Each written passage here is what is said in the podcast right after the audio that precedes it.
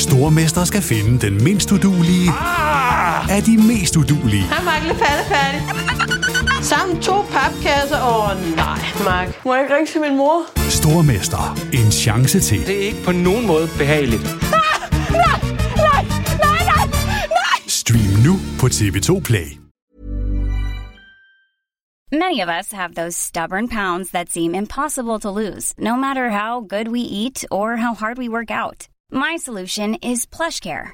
PlushCare is a leading telehealth provider with doctors who are there for you day and night to partner with you in your weight loss journey. They can prescribe FDA-approved weight loss medications like Wagovi and Zepbound for those who qualify. Plus, they accept most insurance plans. To get started, visit plushcare.com slash weight loss. That's plushcare.com slash weight loss. I'm Sandra, and I'm just the professional your small business was looking for. But you didn't hire me because you didn't use LinkedIn jobs. LinkedIn has professionals you can't find anywhere else, including those who aren't actively looking for a new job but might be open to the perfect role, like me. In a given month, over 70% of LinkedIn users don't visit other leading job sites. So if you're not looking on LinkedIn, you'll miss out on great candidates like Sandra. Start hiring professionals like a professional. Post your free job on linkedin.com/achieve slash achieve today. Hey there, it's Michelle Norris. I'm host of a podcast called Your Mama's Kitchen. When I travel, I'm usually looking for a way to find a taste of home when I'm not at home. And one of the things I love to do when I am at home is entertain. And Airbnb allows me to do that. When I was in California recently, I rented a house that had a great kitchen. And when we were sitting around the table, we we're all thinking, we're in someone else's house. Someone could be in all of our homes as well. If you have a home, but you're not always at home, you have an Airbnb. Your home might be worth more than you think. Find out how much at airbnb.com/slash host. Du lytter til NBA-podcasten fra TV2 Sport.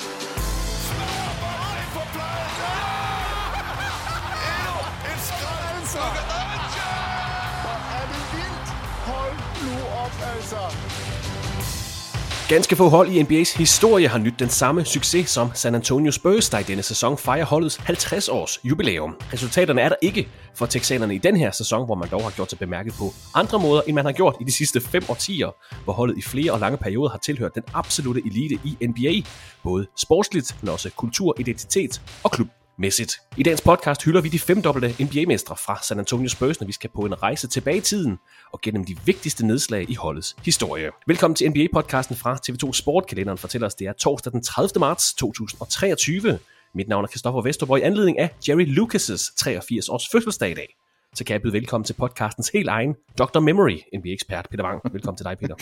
Øh, tak, Christoffer. Tak, tak skal du have. Jeg er glad for at være her endnu en gang. Der er noget, der siger mig, at vi har lavet en podcast på Jerry Lucas' fødselsdag før, for jeg synes, det her Dr. Memory, Mr. Memory, The Computer, som han også blev kaldt, det, det vækker et eller andet. Jamen, øh, det, det er jo så lidt dårligt, når du kalder mig det, og jeg ikke kan huske det. Ja, det er rigtig dårligt, Dr. er- Memory. Ja, Dr. ja. Memory. Dårlig start, dårlig start. Virkelig dårlig start. Det bliver bedre. Vi skal Ja, det vi. primært have fokus på San Antonio Spurs i dag, Peter, men vi, vi kan godt lige nå lidt nyheder, og vores upriser selvfølgelig, inden vi skal stille skarp på ja, de her 50 år, som uh, Spurs har uh, i, i, i historien.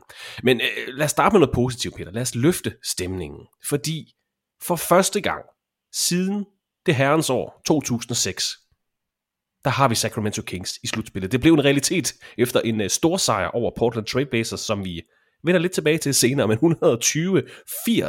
Med den sejr, der bookede Sacramento Kings altså en billet til forårets slutspil, og igen for første gang siden 2006, det længste streak fra et hold i ligaens historie uden slutspil er forbi. Kings er tilbage i det sjove selskab. Det har holdt hårdt, Peter, men nu er de der. Og hvor er det bare... The Lord. Man kan ikke Praise se det på vejret i dag, men det er en god dag. I dag Jamen, er en det- god dag. Praise the Lord. Light the beam. Der er ikke andet at sige. Det er... Øhm, vi, har, vi har jo fulgt dem. Vi har faktisk haft dem stort set alle de år, hvor de ikke har kunne, kunne komme indenfor. Øhm, og det er jo, vi kommer til på et tidspunkt, bliver vi nødt til lige at tale om det franchise, fordi det er jo et super fedt franchise. Det har det bare ikke været i 16 år. Og, og, Nej, det, er- det er jo og, håbløs timing for os, at vi har valgt at stille skarpt på Spurs i dag, og ikke Sacramento Kings. Det har været oplagt. Men Nej, nej, nej, fordi vi skal være helt sikre. Kan vi sige.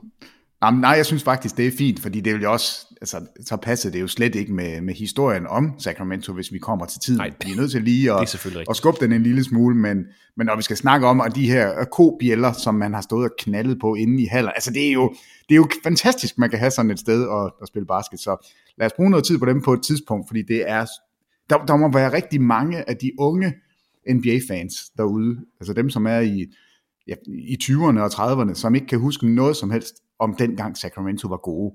Fordi de har været så kummerlige så længe, øh, så, så vi bliver nødt til at give dem lidt kærlighed til, fra gamle dage, fordi der er virkelig meget at snakke om der. Og i en sæson, hvor øh, deres førsteårsspiller, Sacramento Kings førsteårsspiller, Keegan Murray, har slået rekorden for flest ramte træer af en rookie, altså flest ramte træer i en spillers debutsæson, 188, er han oppe på øh, Keegan Murray, der jo er, er starter for det her tredje seed Sacramento Kings tredje seed, det er stadigvæk uvirkeligt at, at snakke om, men ja, det, det passer slet ikke. Det er uh, heldigvis nattens uh, ubestridt største uh, nyhed. Der er selvfølgelig også andre nyheder, en lidt kedelig nyhed og en, en positiv nyhed, som vi vender tilbage til.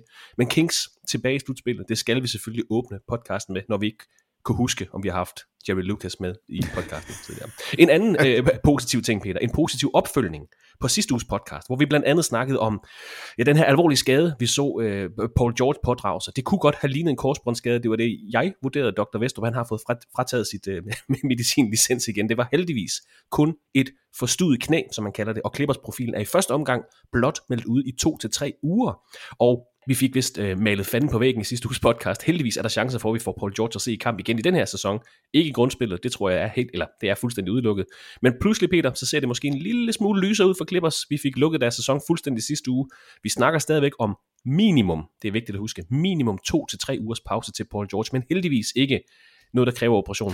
Nej, altså ikke en, øh, det, det vi frygtede var en season ending injury. Her der er der i det mindste en mulighed for, at Paul George kommer tilbage. Og det, det lover da godt, men lad os lige tre uger, ikke? Vi, vi når hen realistisk 1. maj, og der er vi jo sådan i hvert fald gået godt i gang med slutspillet. Og så skal vi, øh, lige, efter første runde. Ja, så skal ja. vi lige ramp it up. Altså, er det tids nok? Så, så nu er jeg ikke så positiv, som du lige får det til at lyde, fordi det er, øhm, han skal jo stadigvæk, han skal jo stadigvæk tilbage, før vi sådan for alvor er der. Men jeg vil godt være med til, at det positive er, at han i det mindste ikke er klædt ude. Altså, lad, lad os nu se, men det ben, det så, jeg har faktisk læst rigtig meget om det, jeg har stadigvæk ikke set det, men jeg har læst rigtig meget om det, og de siger, at det så værre ud, end det Janis han lavede. Ja, det, helt det, enig. Det, ja. det, det, det skulle have set helt skidt ud. Så, så det er gode tegn. Måske er han bare meget fleksibel. Måske er han en af de der, du kender godt de der hesteben. Er det ikke dem, der bøjer benene det forkerte vej? Jo, dem kender, eller det, jo, dem kender jeg. Eller er det kameler? Eller... det kan være, han er sådan en. Men øh, forhåbentlig får vi Paul George at se i den her sæson igen. Vi får Sacramento Kings at se meget mere i den her sæson, har til kvalificeret sig til slutspillet. Men, men to spillere, vi ikke får at se mere i den her sæson, det er Ben Simmons fra Brooklyn Nets og Damian Lillard fra Portland Trailblazers. Ben Simmons har siddet ude siden midt februar med en nerveskade i ryggen. Simmons spillede med i 42 kampe for Nets i den her sæson, der desværre for ham er den statistisk dårligste i karrieren, men ham får vi altså ikke mere at se Ben Simmons, som man altså har meldt ud med den her nerveskade i ryggen. I Portland, der har man lukket Damian Lillard ned for sæsonen, mens han plejer en lægskade. Trailblazers har, som vi var inde på for to uger siden måske, de har kastet håndklædet ringen i forhold til at nå den her øh, planeplads, plads må vi bare sige. Kigger i stedet for at få et højt, eller efter at få et højt valg i sommerens draft. Nu tager jeg dig måske lidt på sengen, Peter. Det gør ikke har noget. Damian Lillard spillet sin sidste kamp for Trailblazers? Fordi vi har hørt historier om, at øh, begge parter, altså Portland, klubben og Damian Lillard, spilleren, vil evaluere situationen her i offseason. Det har vi hørt før, det skal siges, men øh, tror du, vi har set det sidste af Lillard? Altså, jeg kunne, godt, jeg kunne godt læne mig lidt den vej, og, og det er ikke for at være negativ eller noget. Jeg ved egentlig ikke, om jeg synes, det er positivt eller negativt. Øhm, jeg, jeg har en fornemmelse af, at den her sæson var sæsonen, hvor man skulle præstere noget bedre, fordi så ville Damian Lillard blive. Og det synes jeg ikke, de har gjort. Altså, de er uden for play-in-kampene, de har ikke spillet nogen flot sæson. Øh, så, så jeg kunne godt forestille mig, at han faktisk valgte at sige, okay, øh, jeg, jeg forlader Portland, selvom det overhovedet ikke var det, der lå i kortene. Der var ikke nogen, der, der ville bebrejde ham det. Der er ingen, der vil kigge på Damian Lillard og sige, åh, du er en ring chaser, du smutter bare. Og, men men jeg, jeg kunne faktisk godt se det ske, og New York er selvfølgelig altid et sted, man peger på, fordi alle vil gerne se de bedste spillere i New York, fordi det, det er bare fedt. Men jeg har ikke nogen destination til ham. Øh, men nej, altså hvis du spørger mig, om jeg tror, han skifter, så må mit svar være, at det har jeg ingen anelse om. Men ved nogle spillere vil man jo sige, at det er fuldstændig usandsynligt. Og det er det ikke med Damian Lillard. Nej, lige præcis. Og, altså, og heller ikke, at, det er jo heller ikke usandsynligt, at Portland, de, en ting er, at han gerne selv vil væk, Damian Lillard, men det er heller ikke usandsynligt, jeg tror det er mere usandsynligt, men det er ikke usandsynligt, at Portland siger, Lillard, vi er nødt til at sadle om nu, uh, vi vil gerne trade dig, hvor kunne du tænke dig at blive traded hen? Det er jo heller ikke 100% usandsynligt, at klubben også tænker, at vi skal snart turn the page. Nej, altså det bliver jo ikke nemmere. Øh, hans kontrakt bliver jo bare værre og værre, og, og det bliver sværere og sværere at navigere rundt om ham. Men under alle omstændigheder, så vil det blive en situation, hvor vi vil høre et franchise og en spiller blive enige om noget. Det bliver ikke sådan en hårdt mod hårdt, og nu er jeg sur, og du skal Nej. væk, eller jeg vil væk, eller jeg vil ikke spille for jer nu. Altså den situation kommer vi aldrig ud i, tror jeg. Så, så jeg, kunne godt, jeg kunne godt se, at man lavede en aftale, som ja, passede begge parter. Men altså ikke mere Ben Simmons, ikke mere Damian Lillard her i sæsonen øh, 22-23. To spillere, der heldigvis er tilbage på banen, som vi forhåbentlig får meget mere at se.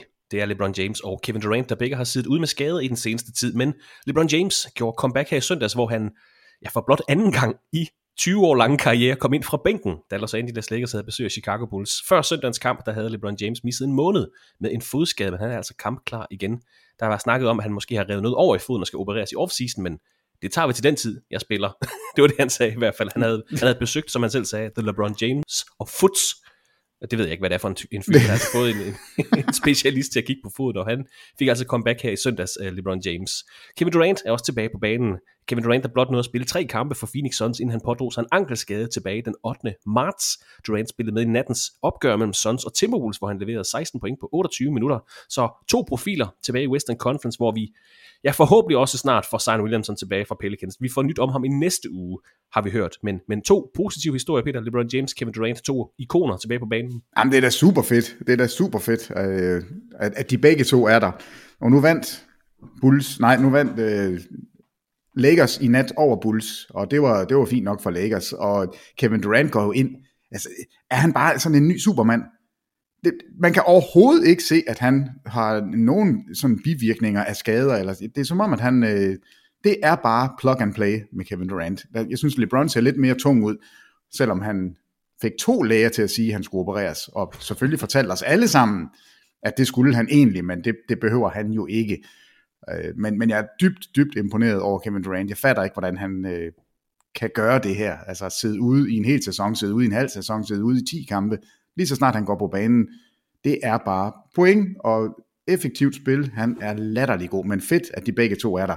Men lige for de her med consecutive games started, altså der er jo et par stykker på den liste, som LeBron nu har hoppet af. Altså han 1313 endte han på. Øh, han er ikke jeg er kommet fra bænken siden 2007. Karl Malone 1635 kampe. Kevin Garnett 1567. John Stockton 1418. Altså, og det er ikke kampe i træk, man har spillet, det er kampe, man er startet. Det er kampe, man er startet. Man, man kan godt have siddet ud med skader i mellemtiden. Jo, men altså, tænk, tænk sig engang lige at spille 1635 kampe, hvor du starter. Altså, det er jo helt, det, det er helt skørt. Så det er, det er også en af de der rekorder, som aldrig bliver slået, fordi de spillerne, de kommer til at load management, så meget de slet ikke kan nå op på det tal. Altså, det, det er helt skørt. Så vanvittigt. Og Chris Paul er faktisk i gang med en streak. Han ligger nummer 5 på listen. Uh. 1350 kampe har han. Nu må vi se, hvornår, øh, hvornår han sætter skoene på hylden. Vi skylder måske også at sige, at uh, LeBron James også var på banen i nat, leverede 25 point, 7 rebounds, 4 assists og 2 steals i Lakers 11 øh, point sejr over Chicago Bulls. Lakers, der var krøbet op på en 8. plads, men uh, det ændrer sig altså hele tiden. Der er stadigvæk uh, ganske kort fra 5. til 11. pladsen. Fire kampe mellem Clippers og Mavericks. Spørgsmålet er så, Peter, nu vi er i Western Conference. Er det i den her afdeling, at vi finder denne uges vinder af ja, den nok mest prestigefyldte pris i Dansk Nisesport podcast regi, Peter Wangs Real MVP-pris. Hvor finder vi denne uges heldige spiller, Peter? Jamen altså, der, der har været nogle stykker. Talen Horton Tucker, altså Horton Totten, 41 øh, score han i nat. Hvor, hvor kom det fra? Øh, det, det fatter man jo ikke. Og jeg vil også sige, Russell Westbrook nu, jeg, jeg elsker jo, når, når det går godt for ham. Altså i nat, 36 point, 10 assist, 2 blocks, går 5 for 5 på træerne. Altså, hallo, det, det, det, det, alligevel det er en pris nok. Øh, men jeg er altså nødt til at gå med Drew Holiday. Okay kamp, han Han scorer 51, ja, altså 51 har han, og det er øh, selvfølgelig hans career high, er jeg lige ved at sige. Men grunden til, at han får den, det er det, han siger efter kampen.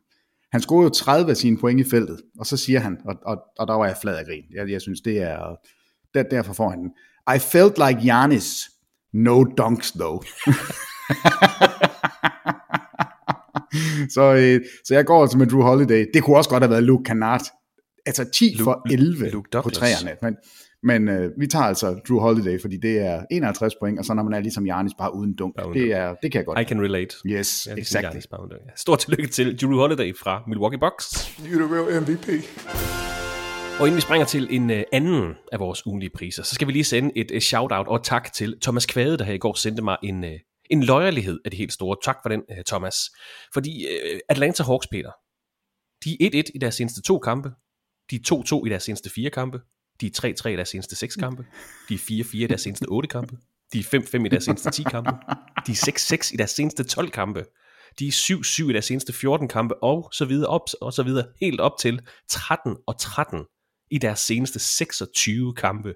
Vi har tidligere snakket om New York Knicks, der på et tidspunkt lignede medianen i NBA. De kan godt ryge over på Atlanta Hawks på den her steam her kampe, altså 1-1, 2-2, 3-3, 4-4, og så helt op til 13 og 13 i deres seneste 26 kampe. Det er ikke helt flasket sammen med det der trænerskifte og det Sean Murray, der kom ind. Det er ikke en, en, en lidt løjerlig sæson, og den her statistik, det er i hvert fald også en af de løjerlige. Tak for den, uh, Jamen, den er perfekt. Den er simpelthen perfekt. Men jeg har jo noget der, som vi er nødt til på et tidspunkt at dykke ned i. For jeg har jo jeg har et ønske. Jeg har en drøm. I have a dream, Christoffer. Okay. Vi skal på en eller anden måde have Trey Young til Miami. Og det kan ikke gå for langsomt. Det skal simpelthen ske nu. Og det tror du ikke vil få Jimmy Butlers hoved til at eksplodere? Jamen hvad? Okay, hvis vi nu skal redde to franchises lige nu, altså jeg ved godt, vi ikke kan trade i dag, det, det må vi ikke, det siger reglerne. Altså de, de snakker den nye CBA, og den håber de jo bliver færdig på fredag, hvilket mm-hmm. er for mig Spændende. lidt overraskende, at det går så hurtigt, men uh, fedt. Det går sådan lidt under radaren, at, uh, at de var så langt fremme. Jeg vidste godt, de snakkede, men jeg vidste ikke, at der nærmest var en aftale klar. Men lad os nu sige, at de kunne trade i dag. Miami kan ikke score, om de galt deres liv. Altså, det er ufatteligt, så ringe de er. Og Trae Young er jo umulig ringe i forsvaret. Og Atlanta er ved at blive... Jamen, de kan jo heller ikke holde ud at have ham. Så hvis nu man kunne få Trae Young til Miami, det eneste sted i NBA, hvor der var nogen, der ville altså, ruske ham så hårdt, at han nok kunne forstå det. Altså, Pat Riley, han er 800 år gammel, men ham messer du bare ikke med. Eric Spolstra, den eneste træner, man sådan for alvor er bange for i forhold til disciplin. Og hvis ikke det kan hjælpe, så kan du jo sætte Bam Adebayo til at ruske ham lidt, eller Jimmy Butler. Eller til sidst, så kan man bare lukke ham ind på toilettet sammen med Udonis Haslam. Og så kan jeg love dig, så får han læst og påskrevet, og så får han en røv fuld. Og hvis ikke det virker, så, så kommer det ikke til at virke nogen steder. Så bliver Trae Young aldrig en rigtig basketballspiller. Men det kunne være redningen, og vi kunne, jeg vil tro faktisk, vi ville se et Atlanta-hold, som vil klare sig mindst lige så godt, fordi DeJounte Murray kan sagtens være den rigtige point guard, være den spiller, der styrer det hele. Det har vi set i San Antonio, så det kan han selvfølgelig også gøre her. Så vi skal have Trae Young til Miami. Jeg ved godt, det bliver efter sæsonen, men altså nu har jeg løst opgaven for begge mandskaber, så de næste år er virkelig gode, og alle er glade, og Trae Young især vil finde ud af, ej, det er faktisk rigtig rart at spille basket i begge ender af banen, og nu kan folk lide mig, fordi jeg er dygtig til at spille. Så det var bare sådan en lille Trae Young rant. Vil du ikke være med til at løse den? Synes du ikke, det er en god idé? De ligger lige nu som nummer 7 og nummer 8 i Eastern Conference, altså hold nu op. Ja, det er jo ikke så. Brooklyn Nets ligger foran Miami Heat. Miami Heat taber til New York Knicks i nat. Selv med Julius Randle, der bliver skadet. Miami Heat ligger nummer 7. De ligger uden for slutspillet. Altså, de giver da ingen mening. Hvor er det ring? Men øhm, Trae Young, han kommer og redder jer. Bare roligt. Det sker først næste år, men det bliver rigtig godt for alle. Fra et uh, fake trade og uh, NBA's median, altså Atlanta Hawks, så skal vi til uh, den anden af vores ugenlige priser. Ugens Jalen Green Award gives hver uge til en undervældende præstation af opkald efter den spiller, der havde den lavest samlede plus-minus i sidste sæsons grundspil, Jalen Green fra Houston Rockets. Tak til alle jer, der har skrevet ind til os med forslag. Isaiah Joe er blevet pitchet af flere lyttere for en uh, gedin stinker her i, i sidste uge. Men denne uges pris, den går til en spiller, som vi har haft i kigger den hele sæson. En spiller, der har leveret ikke en, ikke to, ikke tre, 22 kampe med Nil i den her sæson, som starter for tophold. En spiller, der som oftest formår at bidrage med en masse andet end point, og, derefter, eller, og derfor er sluppet øh, for den her pris. Men, men, men. Ugens Jalen Green Award går til Anthony Leon Tucker fra Philadelphia 76ers, også bare kendt som PJ Tucker, Pops Jr. Han er blevet nomineret af 12-15 forskellige lyttere. Mange tak til alle jer, der har skrevet med, med den her statline. Anthony Leon Tucker i mandagens nederlag til Denver Nuggets. 23 minutter på banen. 0 for 2 for gulvet. En personlig fejl. Minus 23 på banen. That's it. Den går ikke længere, Anthony Leon 22 kampe med Nil Poir, og altså også en i mandags. Du får denne uges Jalen Green Award. Jamen, altså, der er jo ingen tvivl om, han skal have den. Det tror jeg godt, vi kan være enige om. Men, men øh, hvis nu, jeg tror, vi har kigget på den før, men jeg, ja. jeg revisited lige øh, øh, StatMuse og kigget på, alle dem her, der har haft så ufattelige stinker kampe. Altså med 20 minutter og 0-0-0-0, altså 5 gange 0. Der er stadigvæk en, som skiller sig en lille smule ud. Altså præsidenten på klubben. Ej, der, der er faktisk også et navn, der, der er en anden en, jeg er nødt til at nævne lige om lidt, men altså det, det er 24 gange, det er sket, at man har spillere, som spiller 20 minutter eller mere og laver 5 0 En af dem, det kom lidt bag på mig. Steve Kerr. Hvordan kan Steve Kerr spille 20 minutter, og ikke overhovedet lave noget som helst? Det, det fatter man ikke. Og han skyder én gang. Det må være de tidlige ja, det, Nu kan, skal jeg give dig en dato. Det siger 1998 for Chicago Bulls. Så det er, Nej, det er det ikke. Det er i hvert fald ikke et, Nej, så det er faktisk ikke. Men, men den, jeg er nødt til at, at gå med, hvis der er en, der skal have sådan guldmedaljen for prisen, så er det Joel Anthony. Ikke alene er Åh, den, åh, ja. altså 29 minutter, det er så hvad det er, men han skyder heller ikke. Altså han har 0 for 0. Altså, hvordan kan man løbe rundt i 29 minutter i en øh, kamp, der godt nok går i OT, det er Miami mod Portland, og de vinder kampen 107-100 107-100 rent. Men det har vi jo set PJ Øh. Tucker gøre en del i den her sæson. Altså så nogle Ja, ja, afslutninger, men- så har han 10 rebounds og 4 assists og 2 blocks og alt muligt. Altså, Jamen det er helt gak. Det er en centerspiller, vi taler om. 29 minutter. Han løber rundt. Han afslutter ikke en eneste gang. Der er ikke en eneste bold, der falder ned i hænderne på ham. Han smider en bold væk, så det vil sige, at han har altså rørt bolden. Øh, han, han er ikke sådan helt udenfor. Og så laver han fire fejl. Men, men jeg synes bare, det er så imponerende. Jeg, jeg er lige ved at tro, ej, nu skal man passe på, men altså, jeg er lige ved at tro, hvis vi løb rundt derinde, jeg tror ikke, man ville være med i et eller andet, som gav en eller anden statline. Altså, i det mindste kunne jeg så ikke bare, øh, ej, han har også smidt en enkelt bold væk. Øh, jeg, jeg, jeg synes bare, det er imponerende. Joel Anthony, 29 minutter, men nogle sjove navne, der dukker op. Altså, Pat Connaughton er med på den, Avery Bradley er med på den. Men jeg synes godt nok, det var, det var overraskende, at Steve Kerr, han også lige blander sig ind der. Dårlig dag på kontoret for, for Ja, rigtig dårlig dag. Peter, vi skal til en, en længere snak, kan vi godt sige, om San Antonio Spurs. Men er der andet, vi skal sige, inden vi retter fokus mod, mod Texas og San Antonio? Ja, det, det synes jeg, fordi der er et par stykker, vi er nødt til lige at, at give sådan en keep it going man. Øh, det er jo ikke en pris, man kan få, men man skal bare lige vide, at vi ved godt, at du er i gang med noget stort. Og, og der er et par stykker.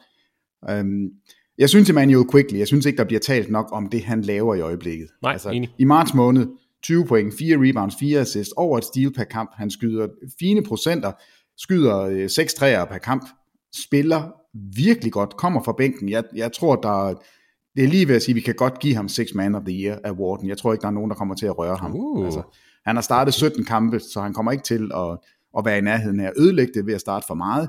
Men er du svimmel, hvor spiller han godt? Altså, og, og det han faktisk laver, som øh, adskiller sig, det er, at han er mega god i forsvaret. Øh, og så kommer der de her tal i angrebet. Så Emmanuel Quickly, han skal blive ved.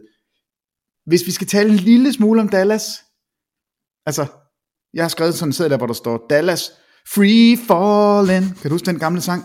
Ja, det kan Tom Petty. Hvor, Ja. er du svimmel, var det ringe. Øh, nu tabte de til Sixers i nat, og det er jo ikke, altså det var på udebane, og det, det er så hvad det er. De taber back-to-back kampe til Hornets. Men i nattens kamp, hvis jeg fortalte dig, at Dallas de får 30 point fra bænken, de får 24 for Doncic, 23 for Irving, 21 for Hardaway, de rammer 18 træer. så vil alle jo sidde og klappe i hænderne og sige, det er en stor sejr. Dem har de nok, øh, gud ved, hvem de har slået. Øh, nej, den taber de selvfølgelig. Og det er historien om det her hold. Jeg, jeg, kan, ikke, jeg kan simpelthen ikke se, hvordan man kan samle så ringe et forsvarshold, og så tro, man kan vinde kampe. Kyrie Irving har nu spillet for Dallas Mavericks i 17 kampe. Hans statistikker, de, fejler ingenting. 26 point, 5 rebounds, 6 assists. Han skyder 94% på straffe. Han skyder næsten 40% på træerne. Han skyder 50% for gulvet.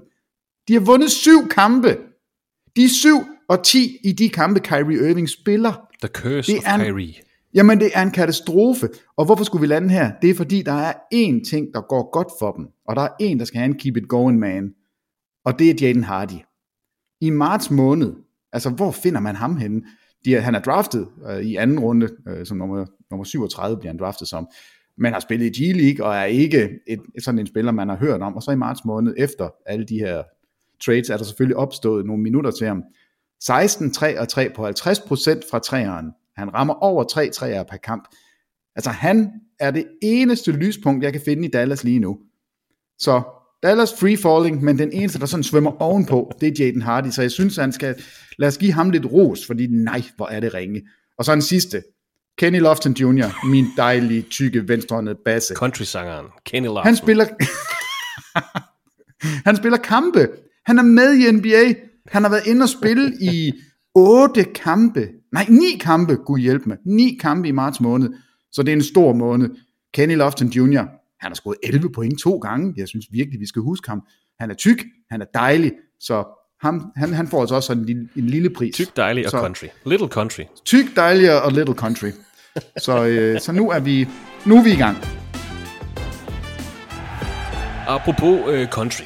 En overskrift øh, for den her sæson, som faktisk har været en historie lige fra start af, men som vi faktisk slet ikke har nævnt, det er, at San Antonio Spurs i år fejrer holdets 50 års jubilæum. Og som et af de bedste franchises i NBA's historie, så skal de selvfølgelig hyldes, og det gør vi altså her i podcasten. Og vi må bare sige, når vi sidder og kigger tilbage på Spurs historie, det er et af de mest succesfulde NBA-hold nogensinde, det ved alle. Fem mesterskaber, vi skal nok komme forbi med løbet af den her snak.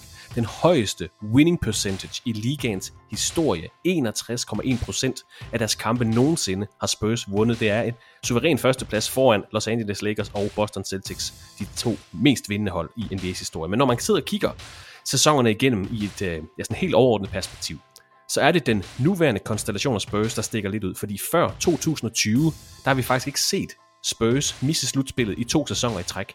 Det er altså, nu har vi lige hyldet Sacramento Kings for noget i slutspillet efter 17 år. Spurs har ikke misset slutspillet to sæsoner i træk før 2020. Historien om det her hold, det har været sustained excellence, eller i hvert fald sustained relevance, og det er det, som vi skal have fokus på i dag. De vigtigste nedslag i Spurs 50 år lange historie. Peter, inden vi hopper til den her historiske gennemgang, San Antonio Spurs, hvad er det første, du tænker på? Hvad er det for en størrelse, det her hold? Jamen, så, så er det Popovic. Jeg ved ikke, øhm, om, om det er en størrelse på et hold, men, men for mig, og det er jo nok også, fordi det er jo alle de år, jeg sådan for alvor har fuldt basket, der har det jo været Popovic, der har stået i spidsen for det her mandskab, og mm. så har det været et franchise, hvor vi altid har vidst, at der var styr på tingene. Yes. Der kom lige en lille smule ballade, vi kommer til det, altså i hele Kawhi Leonard-sagen, men det var første ja. gang, vi nogensinde sådan lige løftede et øjenbryn og sagde, hey, hvad, hvad foregår der? Øh, det, det er nemlig den her, altså konstellationen med Popovic på toppen, og Duncan lige nedenunder, hvor man bare har tænkt, okay, det her det fungerer. Det, det er fuldstændig ligegyldigt, hvad der sker omkring i ligaen. De 29 andre. Så er det i hvert fald sustained excellence. Lige præcis. Ja. Så, øh, så, så det, er, det er det første, jeg tænker på, når, når jeg tænker på Spurs. Vi har delt øh, den her fortælling op i syv forskellige perioder. Vi starter helt tilbage i slutningen af 1960'erne, hvor holdet altså har sin start. Den første periode, ABA-årene, 1967 til 1976. Selvom vi snakker om et 50-års jubilæum, så skal vi faktisk 56 år tilbage for at finde starten på det hele. Vi skal til 1967, hvor Dallas Chaparrals spillede med i debutsæsonen i ABA, altså American Basketball Association, altså den anden liga, der eksisterede i Nordamerika, den tidløbende med NBA. Holdet var med i ligaen i seks sæsoner, hvor det altså nåede at hedde Texas Chaparrals, en af sæsonerne hedder altså Dallas, men det hed Texas Chaparrals, en af sæsonerne. I 73, der rykker holdet godt 300 km sydpå fra Dallas til San Antonio, hvor man skifter navn til Spurs. Det er altså det jubilæum, vi fejrer her i 2023, da San Antonio fik et hold til byen, gav det navnet Spurs, men rødderne ligger altså i Dallas og er 56 år gamle og ikke 50. Og vi, jo, og vi skal lige huske, at, at dengang Dallas Chaparrals, hvad er en Chaparral egentlig? Det kan jeg fortælle lige om lidt. Godt, det glæder mig til. Altså, de starter ud med Cliff Hagan som, øh, som head coach. Et kæmpe navn, både som spiller og som head coach, så, øh, så en god start, de også har der. Ja, det, må man sige, men øh, det er svært at have et hold i ABA, og det er altså derfor, at man sælger det til en investorgruppe for San Antonio. Og det er altså 10. oktober 1973, at Spurs spiller deres første kamp i San Antonio, også dengang, allerede dengang faktisk, i de her genkendelige øh, sorte, hvide, sølvfarvede uniformer. Øh, et lille fun fact, Peter. Modstanderne i den første ABA-kamp for Spurs, rigtig godt navn de møder, San Diego Conquistadors. Det kan man godt lære noget af i dag, øh, holdmæssigt.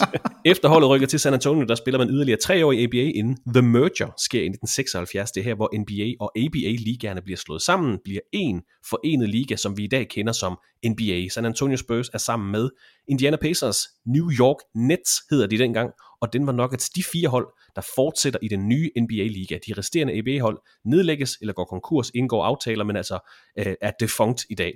Og jeg ved ikke, om du har noget tilføje til ABA-årene, Peter. Vi kan nævne, at øh, Chaparrals og Spurs er i slutspillet 8 af 9 sæsoner, men, men på det her tidspunkt, ABA-ligaen består af ja, mellem 9 og 11 hold, så det er nærmest svært at undgå at komme med i slutspillet, end at kvalificere sig til det, så vi skal ikke lægge så meget af de her ting, men øh, jeg har et par fun facts, men har du noget tilføje til den her ABA-periode? Ja, jeg, jeg synes i hvert fald, det er sjovt, at, at George Gervin øh, er med i ABA-dagene og kommer med ja. over i NBA, fordi det er jo et af de, vi kommer forbi ham om lidt, øh, et af de store navne i NBA, øh, altså i Spurs-historien, men han kommer altså faktisk fra ABA. Jeg rydder helt tilbage det, den det synes jeg i hvert fald er en, en, ja, det, det er da lidt en fun fact. Og så, som Peter også siger, jeg har skrevet ned her, hvis man sidder og tænker, hvad er en chaparral egentlig? Jamen det er en fugl. Det er det, vi i Danmark kalder en gø. Øhm, og hvad er en spøge? Jamen det er sådan en lille metalstjerne, der sidder bag os på cowboystøvler, som når du rider en hest, så kan du lige øh, stikke spidsen ind i hesten, så du kan styre den, og du kan få den til at løbe hurtigt. Det bliver ikke meget mere Texas end en, end en spøge. Øh, jeg har også læst mig til et, et andet lille fun fact, at grunden til, at man i sin tid kom på navnet Dallas Chaparrals, øh, det havde ikke noget med fuglen at gøre. Øh, det var egentlig, man kunne ikke rigtig blive enige om holdet, og så valgte man egentlig bare navnet på det mødelokale, som man sad i på et hotel i Dallas, The Chaparral Room. Sådan kan man også, Ah, det sådan da kan man også give navn til et sportshold. Og som nævnt, altså det var altså på grund af dårlig økonomi, at øh, man solgte holdet til en ejergruppe fra San Antonio, man valgte at flytte holdet. Faktisk startede man med at lave en leasing-aftale, det øh, vil man nok ikke se i dag, men så blev det en permanent køb, og som nævnt tre år i ABA, mens man stadig ligger i San Antonio, indtil ABA bliver slået sammen med NBA i 76. Og som Peter han har så har nævnt, hvis vi lige skal have et par navne på plads, Cliff Hagan, Hall of Famer, er spillende træner for Dallas Chaparrals i tre sæsoner. Øhm, og da holdet så rykker til San Antonio, der får man fingrene i 21-årig George Gervin, der ender med at spille 12 sæsoner i San Antonio, hvor han altså leverer et Hall of Fame resume. Som Peter han også siger, han har altså rødder tilbage i ABA-ligaen. George Gervin kommer også med over i NBA, men den første rigtige stjerne, kan vi godt sige, hos Spurs. Cliff Hagan var en, en, en gammel mand på det tidspunkt, kom ud af retirement for at at være spillende træner, men George Gervin, øh, en af de helt store i NBA's, men også en af de helt store selvfølgelig i Spurs historie. Jamen klart, øh, og vi, vi, vi er nødt til lige, øh, det der Chaparrales der, øh, en fugl, ja det er fint, altså der er jo kun én fugl, man skal hylde, alle andre fugle er ligegyldige. Jeg elsker gæresmutten som den eneste fugl, og alle andre fugle, de er lige meget, så det der chaparrals, det, det betyder ikke noget. Hvis vi nogensinde skal lave et hold, Christoffer, så skal vi hedde gæresmutterne. Måske, hvad hedder det på engelsk? Ja, det, ved jeg ikke, hvad en gærsmut hedder. Det, det finder vi ud af. Men det er den sejeste lille tykke fugl. Så den er... Wren? Den, hvad hedder det? W-R-I-N. W-R-I-N. En rin? The Boston, the Boston Rams. Vi bliver, Det lyder det, det, det bliver da meget fedt. Nå, øh, det var lige et tidsspor. Øh, det, det må du undskylde. George Gervin, fremragende navn, og en af de mest ikoniske plakater, der nogensinde er lavet i NBA. Altså hvis man skal finde en, hvor man, jeg skal bare have en god NBA-plakat hængende, så er det den der Iceman-plakat, hvor han sidder i en istrone, eller sidder på en istrone med en, en bold. Altså nej, hvor er det smukt. George Gervin, fingerrullets mester, han kørte tohånds fingerrull. Jamen altså, han er liga-topscorer tre gange i træk, tror jeg han er, og, og fire gange i alt. Og Han var en scorende, scorende der super svimmel, han kunne score. Sådan lang og tynd, øh, og så fingerrullende Iceman. Det, det, er, det er sådan, jeg, jeg tænker på om en kæmpe navn i, i Spurs historie, men altså også i NBA's historie. 12 sæsoner for Spurs, 3 i ABA, 9 i NBA, 4 gange liga topscorer, 7 gange All-NBA-spiller, 9 gange All-Star, scoret over 26.000 point i de to ligaer. Han ligger nummer 45 på NBA's all-time liste. Han ligger nummer 18, hvis vi også tæller pointene fra ABA med. Så det er altså en af de store profiler, George Gervin, en af de store profiler, som Spurs altså får fingrene i her i, i de her ABA-år. Står vi til den anden periode, det har jeg valgt at kalde det første tophold, 1976 til 1983. Man kommer ind i NBA i 1976. Der har man en 24-årig George Gervin på holdet som den absolute profil. Øh, Lidt sjovt her, Peter, man har faktisk også en 25-årig George Karl med på holdet, men det er, en, det er en helt anden historie, ham kan vi snakke om på den tidspunkt. Men i de her syv år, fra 1976 til 83, de syv første år, man er med i NBA, der er man med i slutspillet alle syv år. Man når til fire conference final serier, ender på fem andenpladser i deres conference. Man vinder ikke mesterskabet, man når ikke til finalerne, nej, men det er et mere end solidt mandskab, må vi bare sige. Altså George Gervin, vi kan nævne navne som Larry Keenan, James Silas, og i 82, der trader man faktisk for Hall of Famer Artis Gilmore hos Chicago Bulls. Gilmore spiller fem sæsoner hos Spurs, men et, et godt hold, det er værd at bemærke på det her tidspunkt, San Antonio Spurs spiller i Eastern Conference i deres første fire NBA-sæsoner, mens hold som Indiana Pacers, Milwaukee Bucks, Detroit Pistons, Chicago Bulls spiller i Western Conference. Man fik lidt mere øh, styr på geografien i forhold til de her conferences i slut 70'erne og start 80'erne, men San Antonio Spurs startede altså i Eastern Conference. Øh, det første rigtige, eller det første tophold, kan vi kalde det, Peter, der er faktisk nogle genkendelige navne her, James Silas, George Gervin, Artis Gilmore. Har du noget at tilføje til perioden 76-83? Nej, Igen, syv sæsoner, øh, hvor de når slutspillet. Nej, men så Artis Gilmore, kæmpe, kæmpe navn i NBA. Altså, fører ligaen i rebounds per kamp fire gange, blandt andet så tre år i streg. Øh, Det er så godt nok i ABA-dagen, og så øh, 17,8, 17,6, 18,3 rebounds per kamp har han i tre sæsoner i streg. Det er jo ikke en lille profil, de hentede. Nej, det var det altså ikke. Det var, jeg tror, han var 7 fod 2. Altså en, en kæmpe basse. Og det første år, han spiller i San Antonio, der fører han altså også ligaen i effective field goal percentage, hvilket han faktisk førte i NBA fire år i streg. Det, det synes jeg også er værd at nævne, så det var en spiller, der han kom tæt på kurven. Han var altså en top rebounder, men man får ham i de senere år. Han fylder 33 i den første sæson, han er i San Antonio. Så de fire år, man, altså, hvor man henter ham ind, nej, fem år bliver det vist til, der, der er han ikke, han er ikke på toppen på det her tidspunkt. Altså, det er en aldrende superstjerne, øh, fordi det var han. Blokerede skud til højre og venstre, reboundede rigtig, rigtig godt, men, men de får ham lidt for sent. Altså, det, det var mere i, i Chicago-dagene, han virkelig var dominerende i NBA, og så selvfølgelig i starten, hvor han spiller i ABA. Stort navn, men ikke, for mig at se, ikke sådan en, en klassisk Spurs-spiller. Nej. Altså, han kommer ikke ind på sådan min, uh, jeg kan I huske dengang han var Spurs? Øh, nej, fordi det, det var ikke der, du var bedst. Og det var altså som nævnt, det er George Gervins hold på det her tidspunkt. Det første tophold syv gange i slutspillet, og når altså til de her øh, flere forskellige conference øh, finals. Jeg kunne godt forlænge perioden, nu har vi valgt at kalde den 76-83. Vi kunne godt forlænge den, så den passede med Gervins øh, sæsoner der. Det giver jo mening, når det er ham, man bygger op omkring. Jeg tænkte, jeg vil hellere markere holdets succes. Så lad os bare øh, gå videre til den næste periode, 1983 til 1989 en øh, sløj og blandet pose, har jeg valgt at kalde den. øh, den her periode er seks sæsoner. Man mister slutspillet tre sæsoner, kommer med i de tre andre, men ryger ud i første runde alle tre år to gange til ja, Showtime Lakers. I 1985, der trader man George Gervin til Chicago Bulls. Man har stadig en øh, gammel, men stadig effektiv. Vi har nævnt om Artis Gilmore på holdet. Man får tilført Alvin Robertson via 1984 draftet, bliver Defensive Player of the Year 86, kommer på 6 All-Defensive hold. Og så drafter man også Willie Anderson i 1988. Det er sådan lidt en, en med-periode for Spurs. Seks sæsoner, man ender på en 10. plads, en 7. plads, en 8. plads, en 11. plads, en 8. plads og en 12. plads. Som nævnt, tre sæsoner med første runde exits og tre sæsoner uden slutspil. Det er jo også en, øh, en periode, hvor man har fire forskellige trænere forbi holdet, altså på de her seks, seks sæsoner. Og det, jeg nævner det bare, fordi det er en sjov kontrast med Spurs, fordi lige om lidt, så når vi til et kapitel i fortællingen, hvor vi ikke skal forholde os til et trænerskift i de næste tre årtier. Det vender vi tilbage til lige om lidt. Men 18 trænere har der været i franchises historie. Greg Popovich har coachet i 27 sæsoner.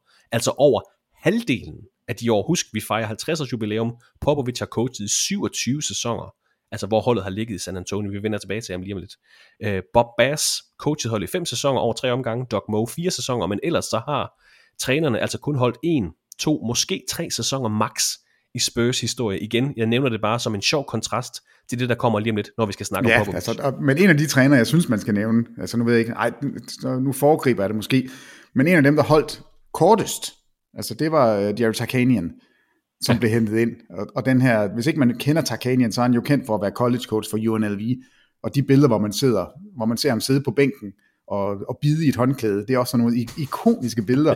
altså ikke bare sådan et lille håndklæde, men sådan et kæmpe stort håndklæde, han propper hele vejen ind i kæften. Han ser så sjov ud. Han ligner en skildpadde, og så har han et, øh, ja, et håndklæde i munden. Altid et hvidt håndklæde, som han sidder og, og gnasker på. Men han holder altså kun lige 20 kampe, bliver hentet ind før sommerferien, og bliver fyret med det samme efter. Går 9 og 11. Øh, og hvorfor han bliver fyret, det er jeg faktisk ikke undersøgt, men der må ligge et eller andet andet end, end resultatet, fordi 9 og 11, jeg, jeg ved godt, at, at måske var man, ja, vil man gerne have lidt mere, men 9 og 11 er jo ikke sådan en katastrofe.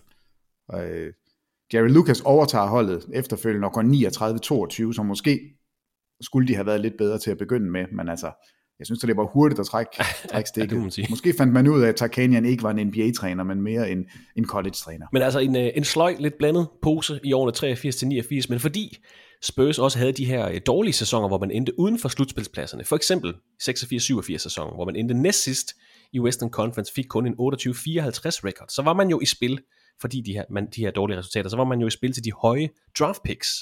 Og man, vi må bare sige, at NBA's draft lottery var rigtig flinke ved Spurs i 1987. Der blev de nemlig tildelt førstevalget i 87 draftet, selvom de kun havde den fjerde dårligste record i ligaen.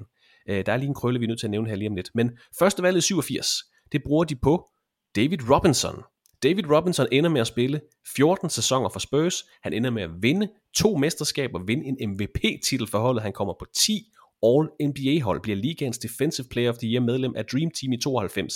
De drafter ham i 87, Peter. Han kommer først til holdet i 89. han skal lige aftjene sin værnepligt i The United States Navy, flåden hedder det hvis, på dansk. Men øh, en, en, som jeg kalder det, en sløj og blandet pose frem til 89, for det er faktisk først her, at David Robinson kommer ind og, og joiner det her spørgsmål. En, en sjov historie det her med, at han er i flåden, men hvad var David Robinson for en, en størrelse? Fordi han var jo i hvert fald en størrelse. Ja, det, det, kan, det må man sige, han var. Men altså, han er en af de center, og jeg er selv, I'm guilty. Øh, han er en af dem, man ikke glemmer, men han er overset, fordi er du svimmel en karriere, han har haft, når man kigger på hans, øh, hans statistikker. Altså MVP, scoring champ, Defensive Player of the Year, 1000 millioner gange All-Star, guldmedalje vinder med 92-holdet, mm-hmm. uh, The Dream Team. Så hver eneste gang vi taler om... Quadruple om double her... har han vel også lavet egentlig? Uh, ja, det er godt, du siger det. Det er godt, du siger det. En af kun fire spillere med en quadruple double. Oh, undskyld, den tog jeg fra dig, Peter. Undskyld. Ja, men det, det skal du ikke gøre, fordi øh, vi har allerede nævnt en af de andre San Antonio Spurs-spillere, for der er to af de fire, som spiller i San Antonio, mens de laver den. Alvin Robertson er den, øh, den første af de to. Han har den eneste quadruple-double i NBA's historie med 10 steals, altså 20 point, 11 rebounds, 10 assists og 10 steals. Det var godt, vi fik nævnt, at han var en elite forsvarsspiller. Ja, men det er jo nemlig det, og jeg har bare jeg har siddet, siddet gemt på den her. Øhm, og så har vi jo selvfølgelig David Robinson inde, som er, jamen, skal vi ikke næsten lige finde den? Prøv lige at hold it for a few seconds. Jeg, jeg skal lige have fundet den inde på, på reference. Men hvis Peter han googler, så kan vi sige, hvis ikke man har set David Robertson. Prøv, prøv at finde et billede af ham. Altså sådan et fysisk unikum. 7 fod 1.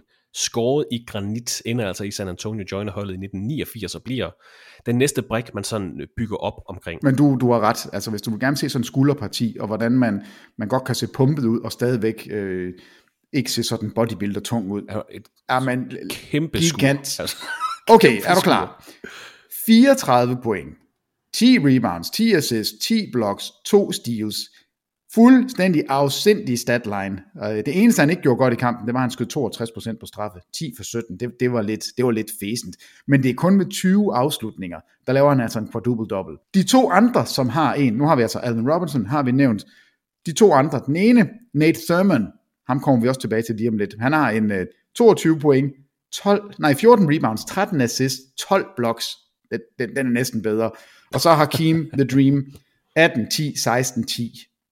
Nej, undskyld, 18, 16, 10, 11. Og så fem turnovers har han også lige med. Så, så fire spillere, der er lavet på double-double. To af dem som San Antonio-spillere. Og David Robinson er en af dem. Og han er, jamen, overset. Fordi, altså jeg, jeg ved ikke, hvorfor vi aldrig taler om ham øh, blandt de bedste centere nogensinde. Jeg gør i hvert fald ikke, og jeg tænker faktisk ikke på ham. Hvis man går igennem, så har han vundet alt. Altså, Tim Duncan vandt aldrig en, en uh, Defensive Player of the Year. Det var en skam, den skulle han have haft. Men vi finder faktisk Nej. ikke rigtig nogen NBA-spillere, som kan det her, som David Robinson kan, kan præstere. 8 gange All Defensive, to gange Champ, 10 gange All NBA-spiller, Rookie of the Year, MVP, Defensive Player of the Year, Block Champ, Scoring Champ. Altså, hvad er det, han ikke har gjort? Vundet mesterskab som den bedste spiller. Jamen, jo. Det er det. Jamen, det er det. Jamen, jamen er, er han ikke den bedste spiller? Er det Duncan, der er den bedste spiller på, på 99-holdet? Ja. Øh, er det indiskutabelt? Ja. Ja, måske er det det. Jamen, jeg, jamen, ikke, det er ikke for at kvævulere, men det er derfor. Nej, jamen altså... altså Shaq god... har vundet mesterskaber som den bedste spiller. Hakim har gjort det. Alle de andre store center har gjort det. David Robinson har ikke gjort det. Det er derfor. Jamen, god pointe. Han er, han er i kategori med Patrick Ewing. Jo, ikke, altså? jamen, ja, god pointe faktisk. Øh, måske er det det, men, men det, det er noget fis, når jeg sidder og bliver spurgt, øh, om, øh, hvad med de bedste center nogensinde? Altså, så er det, David Robinsons navn kommer aldrig op. Aldrig. Han var i hvert fald første valget værd i 87 draft. Ja, det skal jeg da lige love for. Fordi hvis du kigger på, på 87 draftet, så, er det ikke, så falder du ikke ned af stolen og tænker, nej, hvor er det nogle gode spillere. Det er Reggie Miller draftet. Men det, jamen, nu skal det, det er Scottie Pippen draftet. Nu, nu, nu tager du noget ud af munden på mig her, Peter. Fordi den krølle, jeg lige var nødt til at nævne her. Vi har tidligere lavet en hel podcast om Los Angeles Clippers plade historie. Den lavine af uheld og dårlige beslutninger, der er blevet truffet. Alt det uheld, de har været ude for. Jeg opdagede endnu et kapitel i det her, fordi i 86-87 sæsonen, der går Los Angeles Clippers 12 og 70, den 6. værste record i NBA's historie, den klart dårligste record i den sæson. De ligger jo altså, til højre benet, de får første valg i 87 draftet. Og altså, David Robinson. I draftlotteriet, der falder Clippers tre pladser, får fjerde valget i stedet for, som de bruger på Reggie Williams. En, en spiller 10 sæsoner, men en forglemmelig spiller, Reggie Williams. Så i 87, der bliver Clippers altså snydt for David Robinson. Igen, klart, klart dårligste record i grundspillet. De drafter Reggie Williams nummer 4, Du nævner det selv. Hvem bliver draftet som nummer 5? Scottie Pippen. Hvem bliver draftet som nummer 11? Reggie Miller. Altså, mine øjne og ører, de begynder at bløde, når jeg tænker på, hvordan Clippers kunne have set ud i 1990'erne. Fra 87 og 15 sæsoner frem, der er Clippers bedste placering to syvende pladser i Western Conference. De kunne have haft David Robinson til at bygge op omkring. De kunne have draftet Scottie Pippen. De kunne have draftet Reggie Miller, så snakkede vi ikke om Indiana Pacers øh, fra 90'erne. Så snakkede vi om Clippers måske. Det er vildt. Det er vildt. Det, det, det er en afstikker, men det var, vi har snakket så meget om Clippers øh, plade historie. Ja, Endnu og, et og kapitel. de kunne jo faktisk også have taget den mindste spiller i NBA's historie. Moxie Bogues er også for det draft. Det mindste hoved, den mindste spiller, men et af de største hjerter. Så om ikke andet, så kunne de da have fået sådan en dygtig spiller der. Så, men Clippers, de skal bare ud af crypto.com. Altså, der, det er ikke godt, før de kommer væk. Men det, 1270 i 86 87. Ja, men det er helt godt. Men, men altså, Christoffer, jeg ved ikke, hvor mange minutter vi har, men jeg er nødt til det, fordi da jeg kigger på de der quadruple doubles, øh, så var jeg inde og kigge på de kampe. Altså, hvad, hvad, hvad er det for en kamp, de der quadruple double i? Og så ender jeg på Nate Thurman, som har den her 22, 14, 13 og 12 blocks, fordi det, det er jo faktisk den flotteste statline af de fire, hvis man sådan skal kigge på den. Det samme hold, som han spiller på, er der tre navne på, og hvis du, prøv at høre her, hvem han spiller sammen med, hvem han starter sammen med. Det er Jerry Sloan, det er Rick Adelman, og det er Matt Gukas. Tre future head coaches i NBA. Uh, Matt Gukas, han, uh, han, han træner for Philadelphia og Orlando. Han er ikke sådan det største trænernavn, men dog en NBA-træner. Jeg tror, det er otte sæsoner, han har som, som head coach. Men Rick Adelman, altså nummer 11 på flest kampe coachet i NBA's historie. 6 år med Portland, 2 med Golden State, 8 med Sacramento, som nu er i slutspillet igen, 4 med Houston, og så han 3 i Minnesota. Han er i finalerne to gange med Portland, i 90 og 92. Så et kæmpe trænernavn. Og så er jeg lige ved at sige, måske et endnu større trænernavn, Jerry Sloan, Ja, det må man sige. øh, som også er starter på det her hold. Øh, han er nummer 5 med over 2.000 kampe. Øh, fuldstændig vanvittig. Han slutter som nummer 2 i øh, Rookie of the Year, nej, Rookie, i Coach of the Year voting. Han taber til Larry Bird i 97-98, han taber til Hubie Brown i 02-03, og han taber til Sam Mitchell.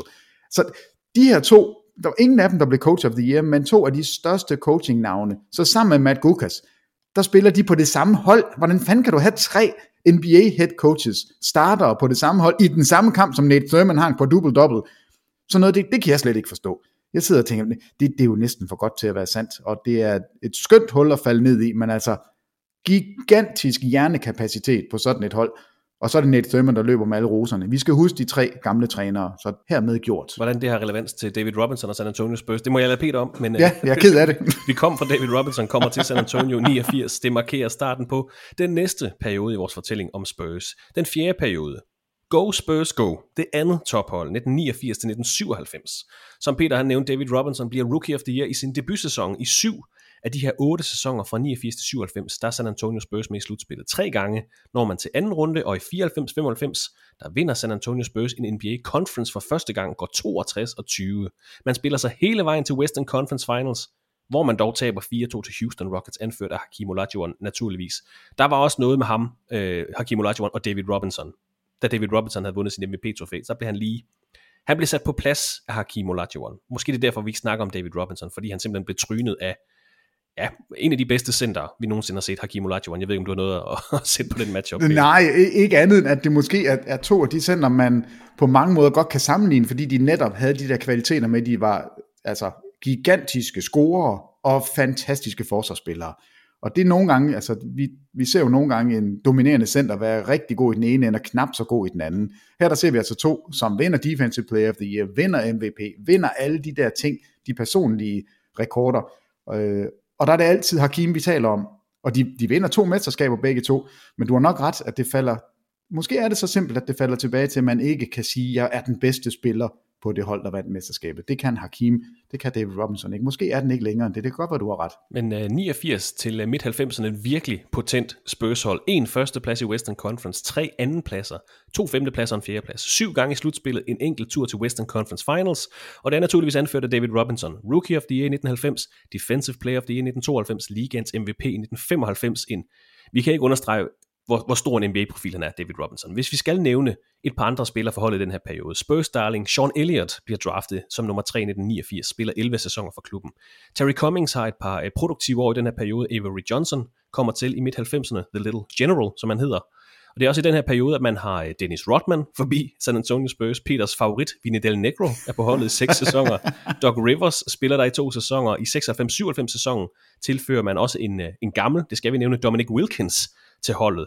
Men der er altså bare øh, rigtig mange ombud i Western Conference her i 1990'erne, Peter. Altså vi har Trailblazers, Suns, Jazz, Rockets spiller sig alle sammen øh, fuldstændig fortjent i NBA-finalerne. Gode mandskaber, det er slet ikke for at tage noget fra dem, men altså Spurs havde et mandskab, der skulle tages seriøst. Og det er jo ikke, det er vel ikke utænkeligt, at Spurs havde snuppet en enkelt tur til finalen den her periode, selvom de kun Altså, de var kun i Conference Finals en enkelt gang fra 89 til 1996, men det er ikke utænkeligt, at Spurs skulle have haft en finale deltagelse i de her år. Nej, det, det er det ikke. Øh, men jeg tror egentlig bare, vi må sige, at Spurs endnu en gang, der, der snyder de os alle sammen, fordi de sparer bare op. Altså, de ved udmærket godt, hvornår ja. de skal sætte ind.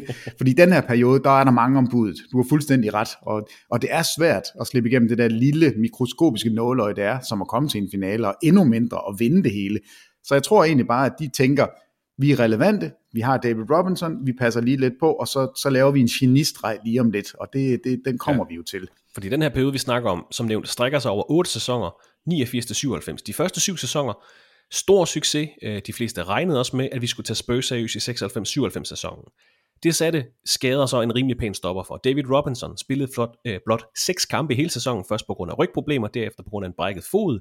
Sean Elliott missede halvdelen af sæsonen, og uden ham og Robinson, så manglede holdet simpelthen bare identitet. Det resulterede i det dårligste grundspil i holdets historie. 20-62, tredje dårligste record i hele ligaen, altså i 96-97 sæsonen. Jamen stop der, stop der, fordi det er der, de laver en genistreg. De laver to genistreger her, men det er i starten af den her miserable sæson, Peter, at vi får første, nej undskyld, vi får sidste gang i vores fortælling, skal have fokus på trænerskifte. 10. december 1996, der har vi en general manager, der hedder Greg Popovich. Han siger til holdets træner Bob Hill, farvel og tak, nu overtager jeg selv tøjlerne, jeg er holdets nye head coach. Ja, og, og timingen af det, altså det er jo her, at jeg, vi kommer tilbage til Popovic. Jeg ved, han er agent. Han er så klog, fordi på det her tidspunkt, da, da Hill bliver fyret, der er de 3 og 15. De 3 og 15, det er 18 kampe i streg. Det er præcis det antal kampe, David Robinson sidder ude med sin rygskade. Han kommer simpelthen ind og starter sin første kamp, da Popovic tager over. Så Popovic får timet det her. Jeg fyrer træneren, mens the record er rigtig dårlig. Den første kamp, jeg snupper, det bliver med David Robinson. Og alle havde jo regnet med, at nu vil der komme et turnaround i San Antonio. Nu melder de sig ind igen og bliver et relevant hold. Så sker der jo så bare det, at Popovic og, og Tim Duncan, de sidder, de spiller seks kampe, øhm, og går 3 og 3 i de seks kampe. Det ser egentlig fornuftigt ud, men Popovic, han har luret det. Han kan godt se, at det her det ikke er helt godt. Og så beder han tror jeg, David Robinson om at brække foden. Så siger han, David Robinson, kan du ikke lige brække foden? Fordi så bliver det rigtig godt for os.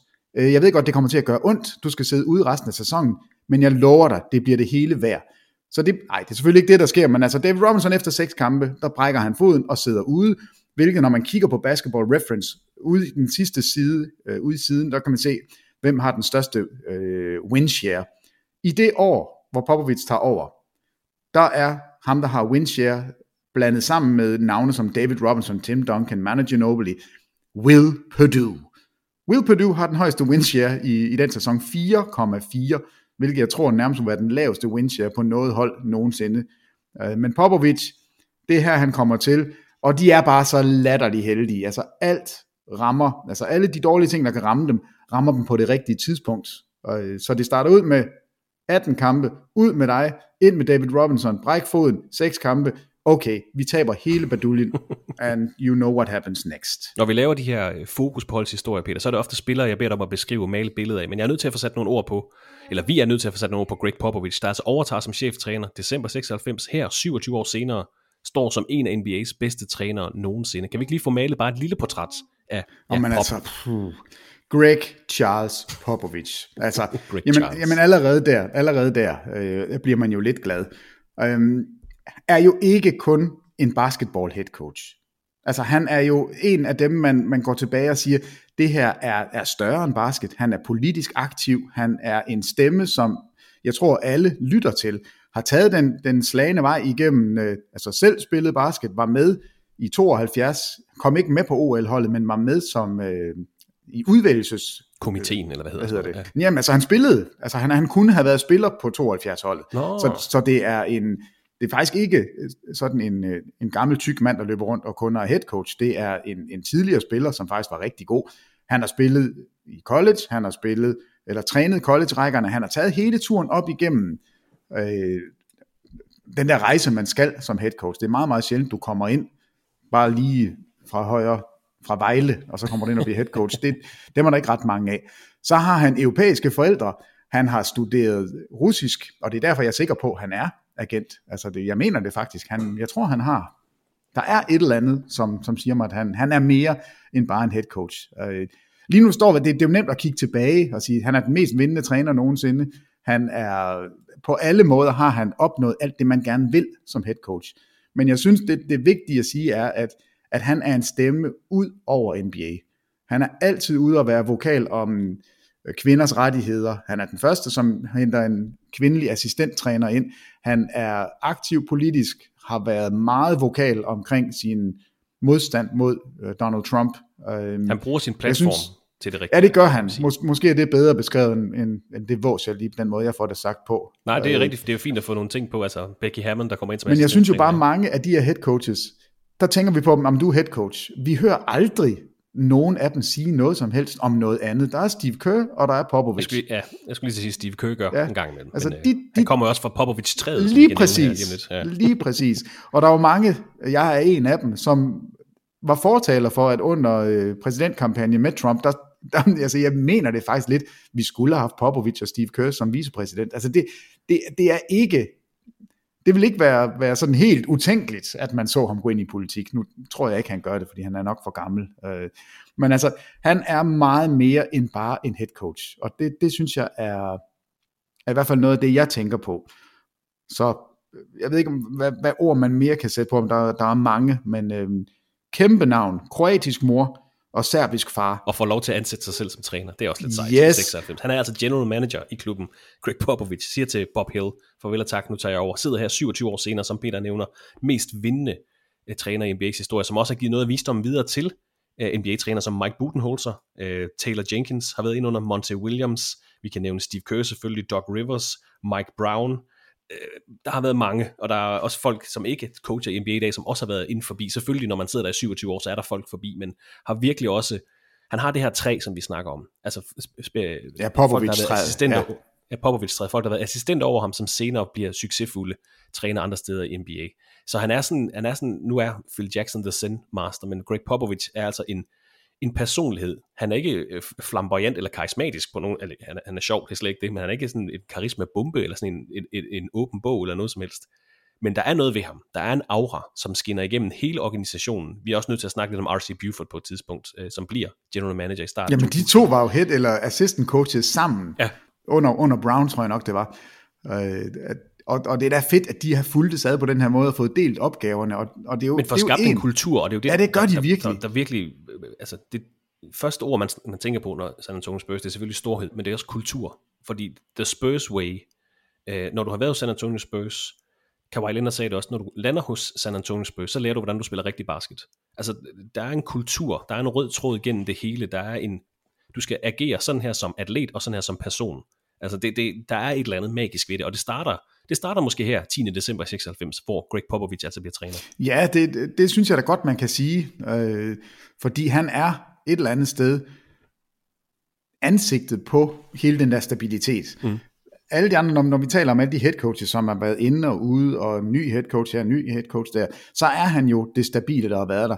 Men jeg synes med Larry Brown, som, øhm, som han selv sværger til, altså det, det er der, han har fået sin basketopvækst. Og han følger jo ham rundt og bliver assistent for ham i Kansas, hvor han er øh, college-træner, og, og følger ham også til San Antonio, og det er der, R.C. Buford og ham for alvor et eller andet sted møder hinanden og, og planlægger fremtiden. Men han er jo også beregnende. Jeg synes jo lige, man, måske skal man sådan lige klappe hesten en lille smule. Det er lidt tavligt at fyre en head coach, og så ved man, at samme dag, så kommer David Robinson tilbage. Altså, der kunne da godt lige have givet ham en chance for at, at se, hvad, hvad kan vi gøre, når han kommer. Men måske er han bare klogere end os andre at se, det kommer aldrig til at gå, vi kan lige så godt. Jeg tror ikke, der er nogen tvivl om, at Greg Popovich er klogere end os andre. I hvert fald også. Nej, det, det, er han, det er han, det, det, må, det må vi give ham. Men jeg er kæmpe, kæmpe navn, og øh, altså, wow, hvis man kunne få det eftermæle, som Popovic får, så, så tror jeg, at man skal være lykkelig. Men den her 96-97 sæson, den markerer overgangen mellem det, vi har valgt at kalde det andet store hold, og så til det næste punkt, som vi kommer til, dynastiet. Men vi får altså et markant trænerskifte i december 96. Resultatmæssigt er sæsonen en fiasko, 20 62. Det står i klar kontrast til, hvad det her øh, potente mandskab havde leveret sæsonerne for inden, altså syv sæsoner med slutspil og en tur til Western Conference Finals. Men, men den her resultatmæssigt dårlige sæson, der giver så San Antonio Spurs et højt valg i NBA-draftet. Igen og igen kan vi også sige, at Spurs er heldige, for de har faktisk kun de tredje dårligste, øh, den tredje dårligste record i 96-97 sæsonen. Dengang, der var det jo ikke sådan, at det var de tre dårligste records, der fik den samme procentuelle øh, sats for førstevalget. Dengang, der var det altså, den dårligste record fik markant størst øh, chance for at få førstevalget. Men de er altså kun med den tredje dårligste record i 96-97 sæsonen. Men igen, draft-lotteriet forkæler dem. De springer to pladser op, får altså tildelt førstevalget i 97 draftet. Spurs sprang forbi, Vancouver Grizzlies sprang forbi, Boston Celtics får førstevalget i draftet, og i 97, der er der ingen tvivl om, hvem der skal tages med førstevalget. Tim Duncan fra Wake Forest. Det bliver starten på den femte periode, som nævnt dynastiet. Men inden vi kommer dertil, Peter, vi skal nok få nævnt Tim Duncans imponerende CV. Hvad var det for en spiller, der kom til San Antonio Spurs i 97, og hvad er Tim Duncans eftermæle? Jamen, øh, men jeg ved snart ikke, hvor vi skal starte. Altså, det er jo en all-round vinder. Øh, har aldrig nogensinde peget på sig selv til noget som helst, og alligevel så snupper han alle priser. Den eneste, han ikke får, det er Defensive Player of the Year, og det er synd og skam og tyveri og snyd og ballade. Fordi han var en spiller, som skulle have haft den pris. Og, og havde han fået den, så ville man kunne sætte flueben ved det hele. Øh, han vil gå ned i historien som en af de bedste spillere nogensinde. Han vil altid være forbundet med Kobe Bryant, fordi de to battlede hele vejen op igennem karrieren, og har egentlig på mange måder en ens karriere. Altså de spiller på det samme franchise hele karrieren. De vinder mesterskaber som den bedste spiller på ja, det, det bedste hold. Vinder fem øh, titler begge to. Og for mig er Duncan altså den bedre spiller. For mig er, er Duncan det større navn. Vi plejer at sige, at han er, er den bedste power forward nogensinde. Og det er jo egentlig noget pjat. Altså en, han er bare en af de bedste spillere, period, nogensinde. Så en vinder i begge ender af banen, en kultursætter, selvfølgelig skulle han være første runde, første valg. Det vidste alle. Altså Sports Illustrated havde ham allerede på forsiden i en Boston Celtics uniform.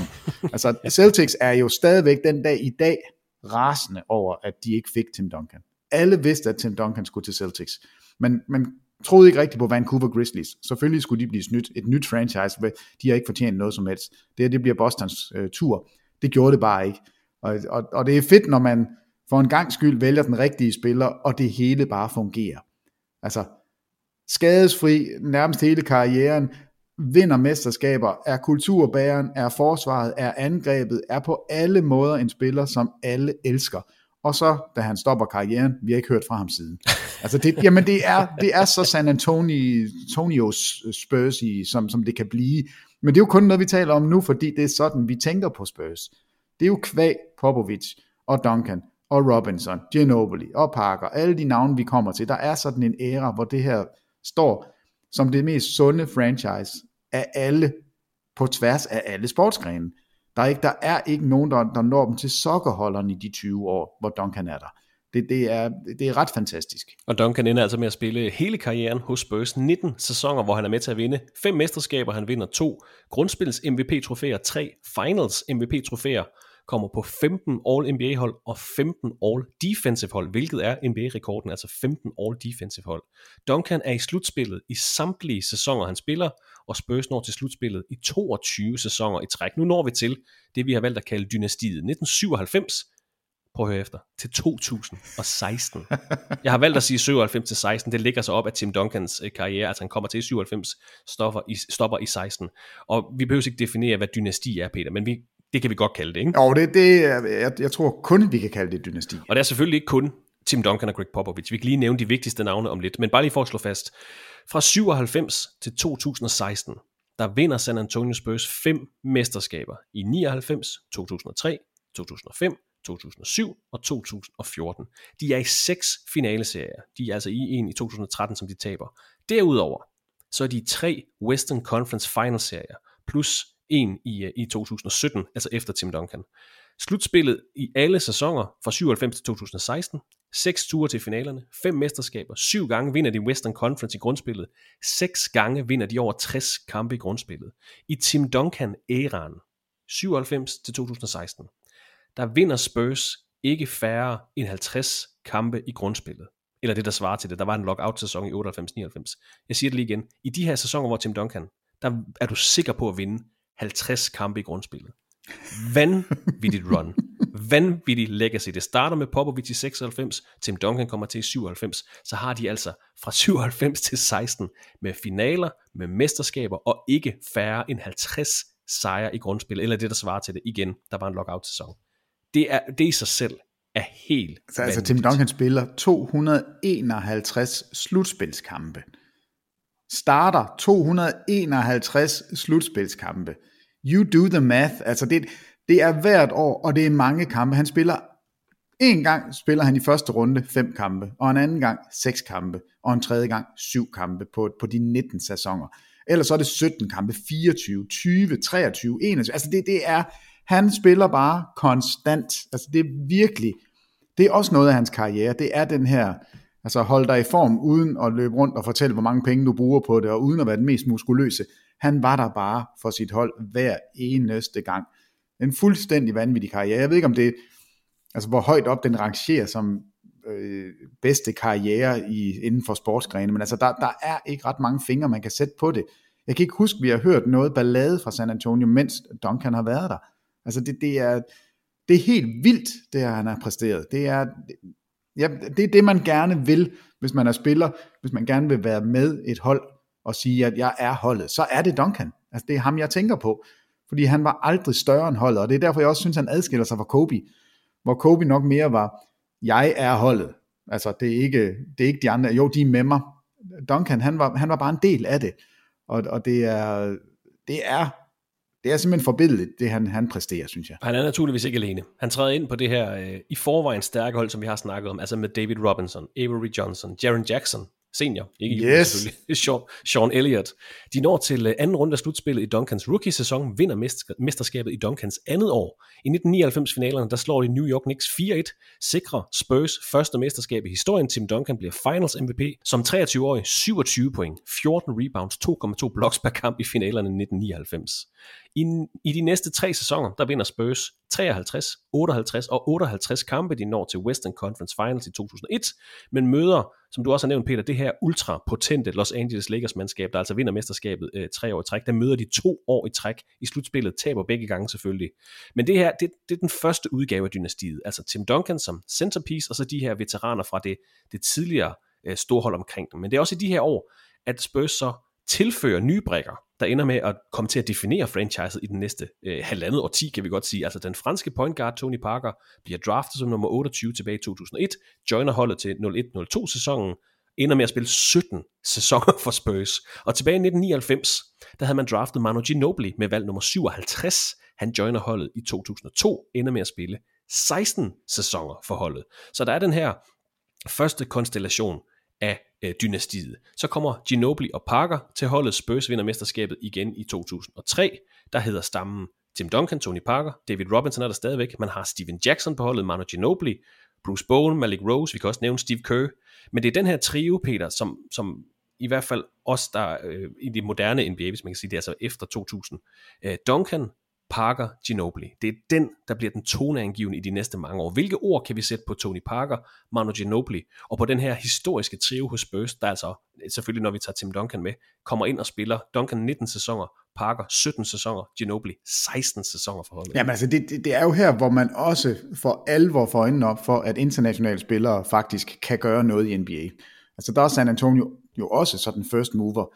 Selvfølgelig Tony Parker fra Frankrig kommer fra det her NCEP øh, college i Frankrig, hvor han, hvor han lærer at spille basket, og kommer i, er han 19, da han kommer til NBA. Ja, ja præcis. Øhm, og får læsterlige klø. Altså Popovic er på nakken af ham, sådan at det er noget, de, de begge to selv reminiscer over, når man, når man hører dem tale om det. Altså han er virkelig også, måske lidt mere, end man sådan skulle tro. Han er bare efter Parker og skælder ham ud konstant, og han bliver taget ud af kampe, og han kommer ind igen, hvor han ikke har lyst. Altså det, det er faktisk ikke noget lykkeligt ægteskab til at begynde med.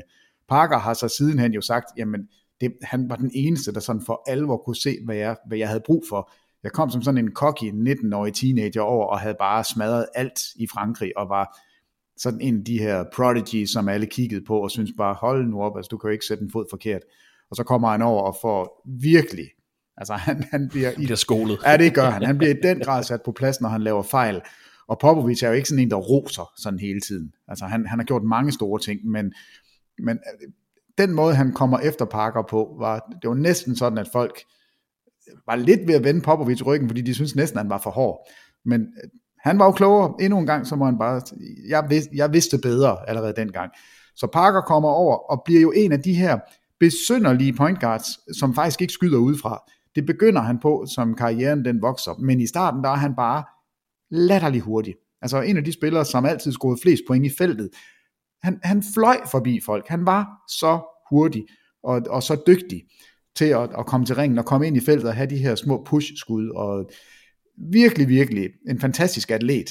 Det glemmer man lidt, fordi man ikke ser ham hænge over ringen og dunk. Det er der, man normalt siger, uh, ja, hvor han er atletisk.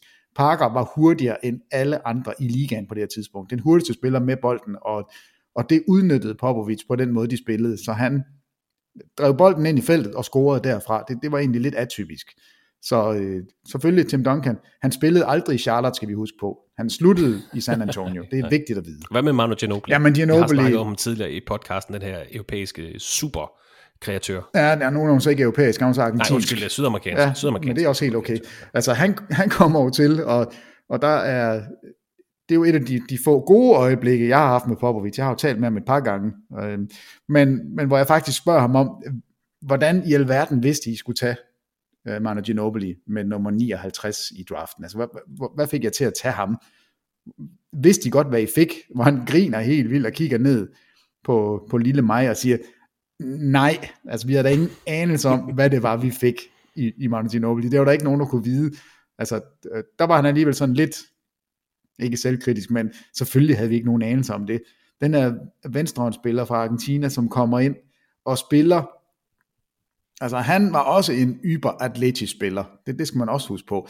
Virkelig hurtig, god med bolden, og så var han jo, altså, det er den eneste spiller, som Popovic offentligt har sagt, han må gøre, hvad han vil. Altså, han må få lov til selv at bestemme, når han er på banen, så dygtig er han. Jeg skal ikke kontrollere en vild hest. Altså, han skal, få, han skal have lov til at lave de her ting, fordi det var det, der gik galt i starten. Det var, at han prøvede at sætte ham ind i den amerikanske model med set plays, og nu gør vi sådan, og du skal gøre sådan. Og det var han ikke, det var Ginobili ikke, det passer ham ikke sådan super godt. Så han blev sluppet fri, så, og det er endnu en gang en af de ting, hvor jeg bare sidder og tænker, Popovic, du er, du er simpelthen for klog. Altså, han kan med det samme se, hvad det er, en spiller har brug for.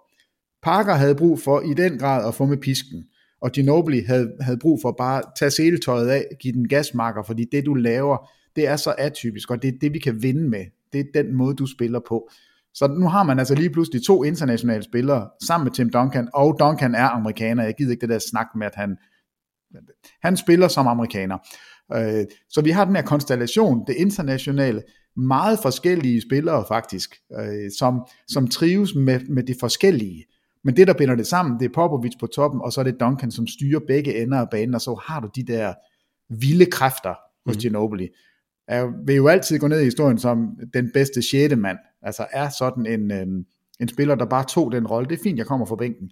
Jeg kunne starte for alle hold i ligaen, jeg kunne også starte for San Antonio Spurs, men vi har brug for, at jeg kommer fra bænken og laver ballade, når jeg kommer ind. Og det virkede, altså til tonerne af fire mesterskaber får de sammen. Det er, det er godt set af Popovic, det her. Og den her trio slår altså New Jersey Nets i 2003-finalerne i seks kampe. De vinder også mesterskaberne i 2005 og 2007. I 2005 er det over det her bum stærke Detroit Pistons mandskab, anført af John T. Billups, øh, Ben Wallace, en serie, der skal ud i syv kampe, det skal vi nævne. Og i 2007, der sweeper de Cleveland Cavaliers, naturligvis anført af LeBron James, der ikke øh, fik så meget andet hjælp i, i den finale serie. Der er naturligvis øh, forskellige rollespillere forbi holdet. Det er også en del af San Antonio Spurs historien, at man får hentet rollespillere ind og gør dem til øh, bedre versioner af dem selv. Stammen er stadigvæk Duncan, Parker, Ginobili, Bruce Bowen, hvis vi skal nævne en, en fjerde mand, Tony Parker bliver i øvrigt øh, Finals MVP efter Finals øh, finalserien 2007. Og der går faktisk øh, seks sæsoner, før Spurs når til finalerne igen. De når til Conference Finals i 2008, hvor de taber til Los Angeles Lakers. De når faktisk også til Conference Finals i 2012, hvor de taber til det her unge, sprudlende Oklahoma City Thunder hold med Russell Westbrook, James Harden, Kevin Det var en vild serie. Fuldstændig, altså, det, ja. Det fordi San Antonio faktisk op 2-0 i den serie, og alligevel sidder man med den her fornemmelse af, når Oklahoma først lige finder ud af at trykke på knappen, altså og, og bruge de, de der her unge kræfter, de har, så bliver det svært for de gamle Spurs at følge med. Og jeg skal da lige love for, Serge Ibaka, Kevin Durant og James Harden og Russell Westbrook, de blæste igennem i fire kampe i streg. Altså det, det, var, det var besynderligt, fordi Spurs jo var foran, og, man, og alligevel sammen med den der fornemmelse af, det her, øh, det, det, det kommer ikke til at ende godt. Altså de, de er simpelthen for atletiske. De er for vilde. Spurs kan ikke følge med, og det kunne de heller ikke. Og der, jeg troede faktisk, at det blev enden på dynastiet. Jeg troede, det var, det var der, man, man så det sidste. Fra, og på det tidspunkt kaldte vi det et dynasti. At de havde vundet fire mesterskaber, alt så godt ud. Hvis, hvis de stoppede efter 2012, så ville man have sagt, det, det, er, det er en fremragende. Det, det er fremragende, det der er sket her. Tillykke med det. Adieu, I må sadle om, I må lave et nyt hold. Det er Ja, fint. De vinder tre mesterskaber på fem sæsoner, og når så derudover til to conference øh, finals derefter. Så, så efter de her tre mesterskaber på fem sæsoner, så jeg vil ikke kalde det et slump, når man stadig vinder 50 kampe og spiller sig i to Western Conference Finals men der går altså lige en periode, før de er tilbage i, i, i finalerne. De spiller ikke helt med med mesterskabet, men de er stadigvæk, lad os kalde det mere end et relevant hold, må vi Ja. bare sige. Men i 2013 og 14, der er Spurs tilbage i NBA-finalerne. Begge år møder de Miami Heat med selvfølgelig Dwayne Wade, LeBron James, Chris Bosh som fundamentet. De taber finalerne i 2013 efter syv kampe, for revanche i 2014, hvor de, de tæver Miami Heat 4 i de kampe, med det, der på det tidspunkt er den højeste gennemsnitlige pointforskel i en finaleserie nogensinde. 14 point vandt de seriens kampe med i gennemsnit, altså i 2014. Men, men vi er nødt til at sætte et bord på den her episke serie i 2013, hvor vi ser Ray Allen ramme det, ja, nej, det største skud i finalernes historie tilbage i, i, i kamp 6. Serien i 2014 var overhovedet ikke spændende. Det bød til gengæld på noget af det mest overlegne basketball, vi nogensinde har set i en finale se. Så to øh, kontraster i 13 og 14, hvor Miami Heat altså står for San Antonio Spurs. Ja, men altså, jeg, jeg er glad for, at du ikke bare lige går forbi 13-finalen, at, øh, at den taber de, for det er netop sådan en legendarisk serie, øh, hvor de skal vinde. Altså, de har fuldstændig styr på den serie, og de fører i kamp 6, og det er kun ved et altså, gigantisk lykketræf, at, at Miami overlever den kamp, og et kæmpe skud. Altså, der, der er det der ikoniske billede, hvor, hvor han hænger i luften og har sluppet bolden bag trepointslinjen, og der er alle de her folk omkring banen, som løfter det der gule bånd. Ja, for at holde folk Som man- ude, fordi de skal til at Ja, som han vil tage op. Altså, nu har Spurs, de har vundet. Altså, det giver ingen mening, at Miami kommer tilbage i den. De er så heldige at få fat i den rebound, eller gode, kan man også sige, de er. Øh, Chris Bosh får fat i den, afleverer den ud. Altså, Popovic alt- har taget Duncan ud. Der, må, der er en Jamen- lille ris i lakken hos, uh, Ja, hos ja, nej, shh, det må du ikke sige. Shh, shh, det snakker vi ikke om. Øh, det, det er et, alle, alt det, der skal gå godt og gå rigtigt for Miami i de få sekunder, det går godt og rigtigt. Og de får altså udlignet, vinder efter OT, og endnu en gang en kamp 7, som faktisk også er kompetitiv. Og efter de taber finalen i 13, der samler Popovic jo hele holdet, de er ude at spise, det er jo noget af det, han er kendt for, de her store middage, hvor han går rundt til alle spillerne, de har deres familier med, alt det her. Der har man en fornemmelse af, at det er slut. Altså, I klarede den ikke i 12, og der troede vi, I ville stoppe. Nu taber I finalen på den her måde, en serie, som I skulle have vundet, det kan I simpelthen ikke komme tilbage fra. Det er det sidste, vi ser fra Spurs. Det kan være, at Popovic han stopper som træner. Altså, det hele var i spil. Øh, men Popovic, igen får han halet holdet ind, kommer rundt, de drikker dejlig vin, dejlige saltoglas, rødvin, den, altså han er jo rødvins aficionado, øh, Greg Popovic. Øh, Men han kommer rundt til alle spillerne, og får fortalt dem, at det her det var en exceptionelt flot serie, og vi kommer igen næste år. Og kunne hjælpe mig, om ikke det lykkes, altså at de får samlet holdet og starter ud som lyn og torden, altså i, i 13-14 sæson. Det, jeg tror ikke, der var nogen af os, der havde forventet, at de på den her måde kunne rejse sig. Det virkede som, som et knækket mandskab, når man taber på den her måde. Det, det er der ikke ret mange, der kan overleve. Og så fik de i hvert fald hævn i finalen i 14. Ja, det den skal var, jeg lige Den love var ikke for. spændende. Lad os bare sige det sådan. Nej, jamen altså, det, det er den, øh, hvis man skal referere tilbage til det bedste basketspil i en finale nogensinde, så er det i 2014 San Af et Antonio hold, må Spurs. vi sige. Ja, Det var ikke jamen, altså, det, jamen det er det, alle kigger på. Det er ikke Golden State Warriors og deres øh, 63 kampshold. Det er ikke finaleserien over alle mulige. Det her er den bedste holdpræstation, hvis man skal pege sådan single-handedly på, på, på en serie, så er det den her. Men i sommeren 2014, Tim Duncans 17. sæson, Greg Popovich 18. der vinder Spurs altså deres femte mesterskab på 16 sæsoner. På det tidspunkt fjerde flest i NBA's historie. De er sidenhen blevet overhalet af.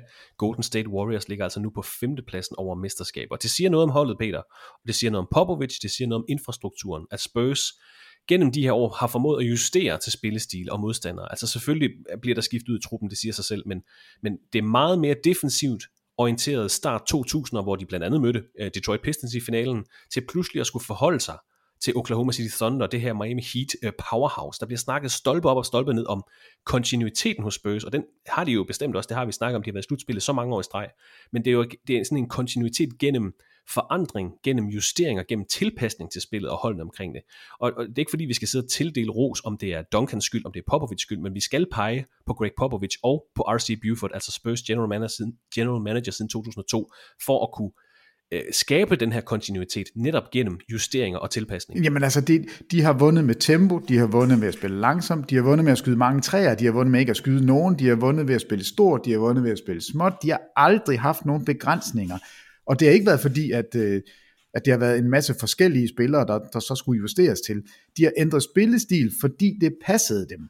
Altså det, Tony Parker, Ginobili og, og Duncan har spillet hurtigt, de har spillet langsomt. De, der har været hele, altså hele vejen rundt, de har, de har bare altid ramt det leje, hvor man, hvor man er bedst.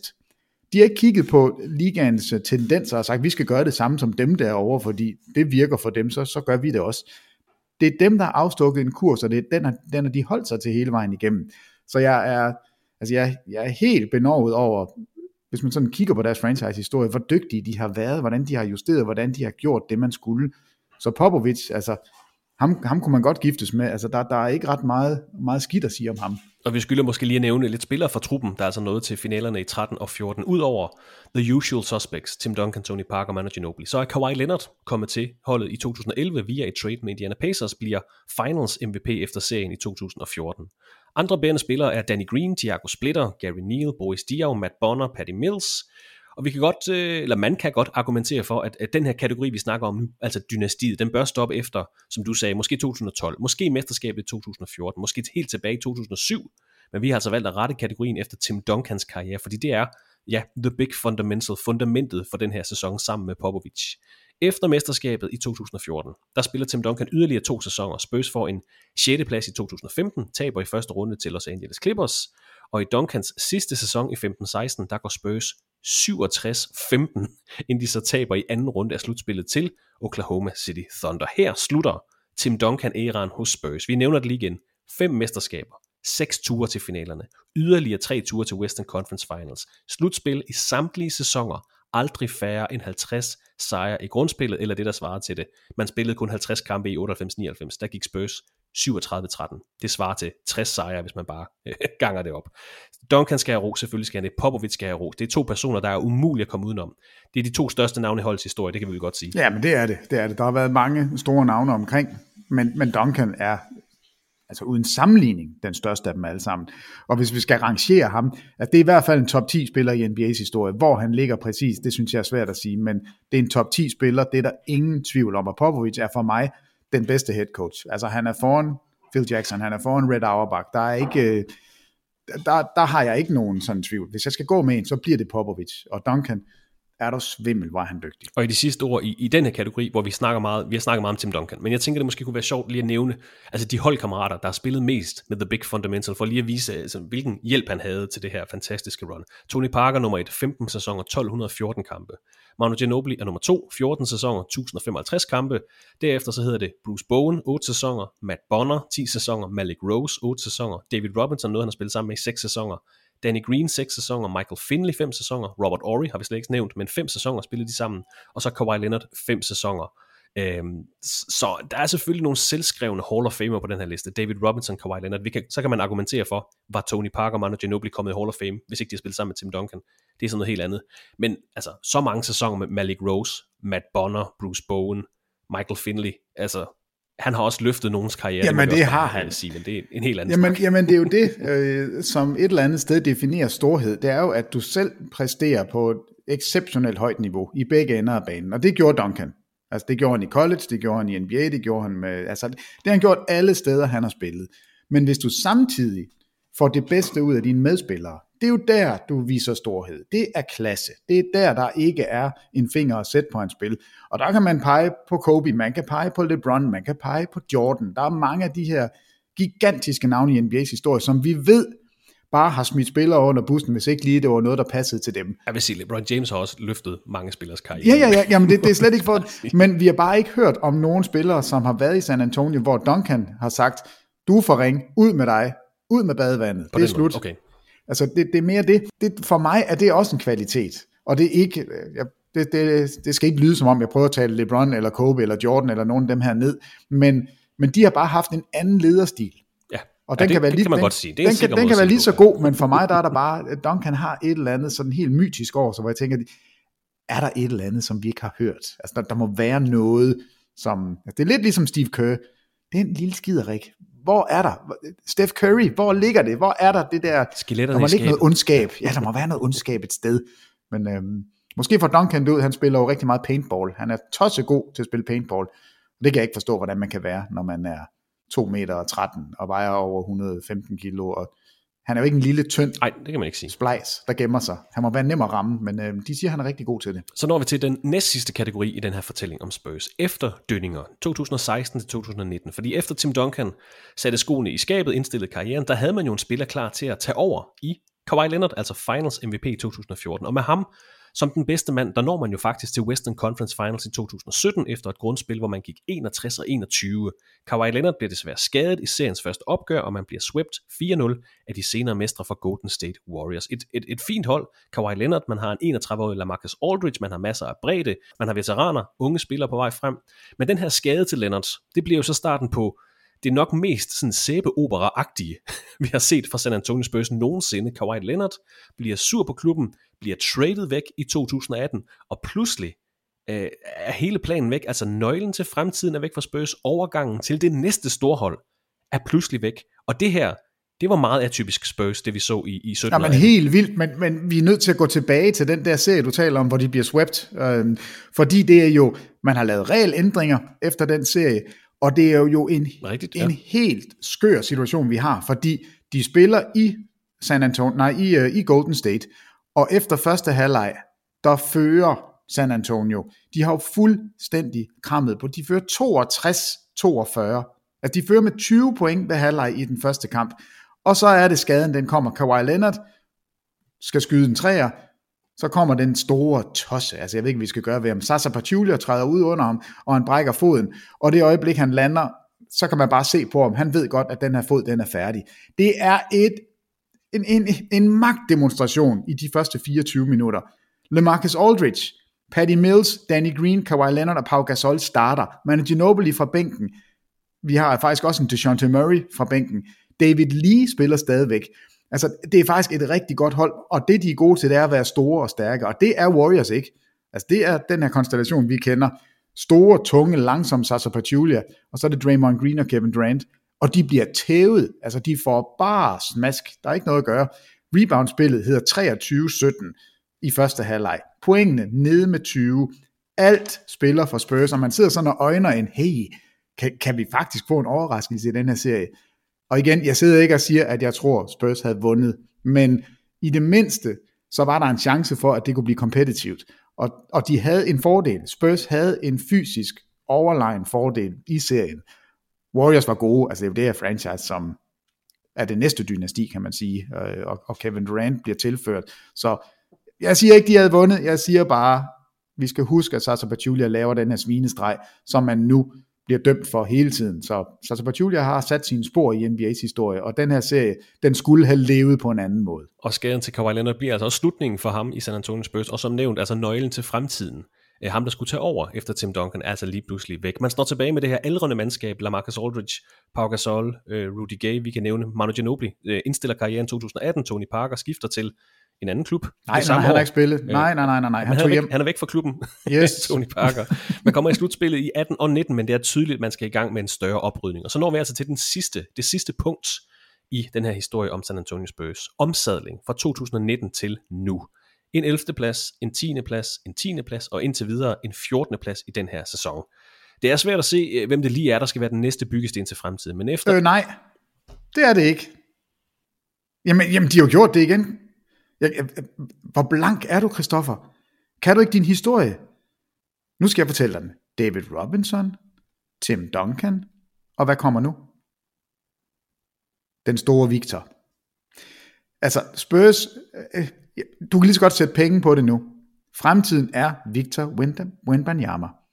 Og han kommer til Spurs, og alle de bliver sure, men det er sådan, det kommer til at ske. Spurs har allerede fået første runde, første valg. Ja, det er, hvis vi skal tro på historien, der har lotteriet ja. i hvert fald været, været god ved San Antonio. Jamen det, det, er, det er San Antonios ven, og det bliver det I også i år. 87 havde de kun de fjerde bedste chancer for første valget. Her fik de David Robinson. I 97 havde de de tredje bedste chancer. Der fik de Tim Duncan. Og det skal da lige passe, at Victor Wembanyama ender hos Spurs, og historien den gentager sig. Men de har også brug for det, må vi sige, fordi øh, vil også sige, det må også være Spurs tur til et større rebuild. Øh, det er den sæson, øh, den her sæson kan blive den dårligste i Spurs historie. Man er 1957, og der er lidt at spille for i de sidste seks kampe i den her sæson, hvor man altså er i gang med at omstille sig til fremtiden. Man mistede den her nøgle øh, til Kawhi Leonard, der ville væk fra klubben.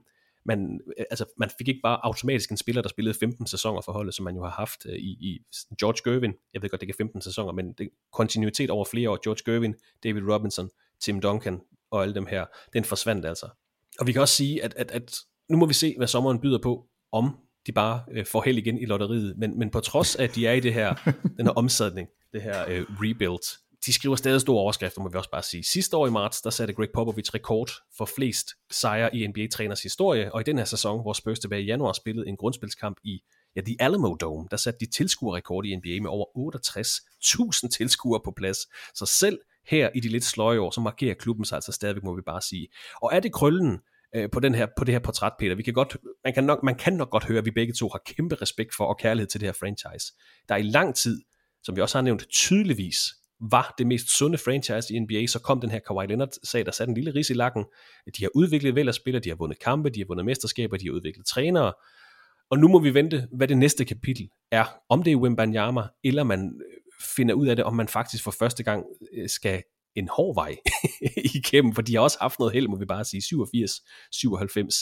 Men er der mere at sige om, om, om San Antonio Spurs? Fordi øh, det er svært at se, hvad holdet er lige nu, hvad de, hvordan de ser ud efter den her sommer. Jamen altså, det, det er jo en helt anden Jeg er da meget spændt på draftet selvfølgelig at se, får de første runde, første valg, fordi det vil ændre øh, hele måden at tænke Spurs på.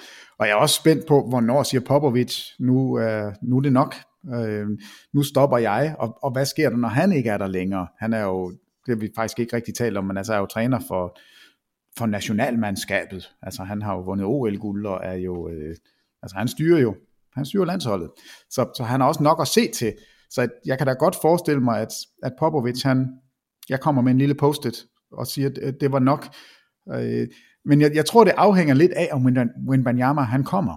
Altså jeg kan jo godt se Popovic sige, okay, det, det kunne være... Endnu en, det, en fransk uh, prospect, ja, jeg skal tryne lidt. Det, det, det kunne være lidt sjovt for mig, og, og der er ikke nogen, der forventer, at fordi Wimbanyama kommer til et hold, så vinder man mesterskabet. Man vil gradvist blive bedre, og det, det er svært at, at vinde med det samme, og det kan godt være, at Popovic han, han vil være med til den overgang. Det, det, det er da lidt spændt på. Men ja, det er første gang, vi for alvor er i tvivl, fordi det hele kan, kan stoppe fra den ene dag til den anden, og jeg tror rigtig meget går tabt, når Popovic ikke er der længere. Altså den, den, den her kultur er svær at bære videre, den er... Han er, han er jo også den sidste øh, brik af overgangen. R.C. Buford er det stadigvæk, men overgangen fra de tidligere tider, altså fra 90'erne, hvor de vandt deres første mesterskab til dynastiet. Han er jo den, det, det sidste der tilbage, og vi har nævnt det her i podcasten. Når han indstiller karrieren, så tror jeg, at NBA opkalder Coach of the Year-prisen efter ham. Ja, og den, den, jeg håber, du får ret, fordi det vil være helt på sin plads. Ikke fordi han har været gode venner med, med ligaen altid. Vi skal også lige huske på, at han har jo fået den største bøde nogensinde som head coach, eller franchiset har, ved at lave den der, det var egentlig der, det startede til, og det er helt tilbage i 2012, 250.000 dollars for lige at, at sætte Duncan. For hvile spillere ja. i en tv-kamp. det er med også en latterlig bøde. Jamen, det er helt vildt. Det var selvfølgelig Commissioner Stern. Han var lidt mere håndfast, end, end vi ser i dag. Men altså, det var Duncan Parker og Ginobili og Danny Green, deres fire startere.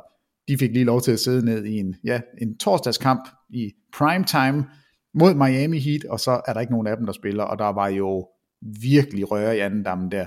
Og det er jo noget, der har kørt videre. Vi ser det jo dagligt, at spillere sidder ude. Senest har vi haft Embiid mod Jokic, hvor Embiid sidder ude, og nu er det åbenbart nok til, at Jokic han skal være MVP, hvis man spørger nogen. Altså det, det er jo helt skørt, og noget af det, der nok også kommer ind i den nye CBA, at man, man vil prøve at kigge på det. Men det startede San Antonio altså også, så de har været sådan frontrunners, både med de store bøder og med at, at tænke uh, load management.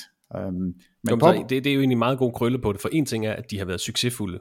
De har haft held i, i draftet, de har haft spillere, der er faldet lige ned i, i, i turbanen til dem, som så har leveret. De har vundet mesterskaber, de har været dynasti, altså de har haft succesen, men de har også været forgangsmænd de har været fortaler for alting, de har lavet skabelonen for storhed på mange plan, øh, på mange hvad, øh, øh, forskellige, altså både hvordan du laver et franchise, hvordan du laver et hold, hvordan du omstiller dig, hvordan du vinder. Altså det er egentlig en meget god krølle på det hele. Ja, fordi det, det er jo sådan, jeg, jeg tror de fleste ser på San Antonio Spurs. Altså ja.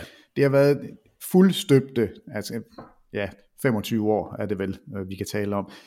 Altså, der, der, er ikke, der er ikke rigtig nogen fingre at sætte på det. Der er lige den her sag med, med Kawhi Leonard, hvor han ikke synes, at at lægestaben i San Antonio gør det rigtigt, og hans egen stab, men altså, jeg, jeg tror mere, det siger noget om Kawhi Leonard, end det gør om San Antonio Spurs. Uh, I hvert fald er det ikke der, jeg tænker, at der er noget. Jeg synes, de har gjort det formidabelt, og, og et eller andet sted, så håber jeg, at de får lov til at få Wimbanyama, for så kan det, det kan være, at vi ser hele historien igen. Det, det, kunne det er være, full circle. Ja, det, det ville være full circle. Det, det, det ville give mening. Noget andet, der er full circle, Peter, det er, at i, i mine forberedelser til den her podcast, der kom jeg til at tænke på, at vi har da været inde på det her på et tidspunkt før. Det er ikke første gang, at vi snakker så meget om San Antonio Spurs. Faktisk heller ikke første gang, vi gør det i, i marts måned.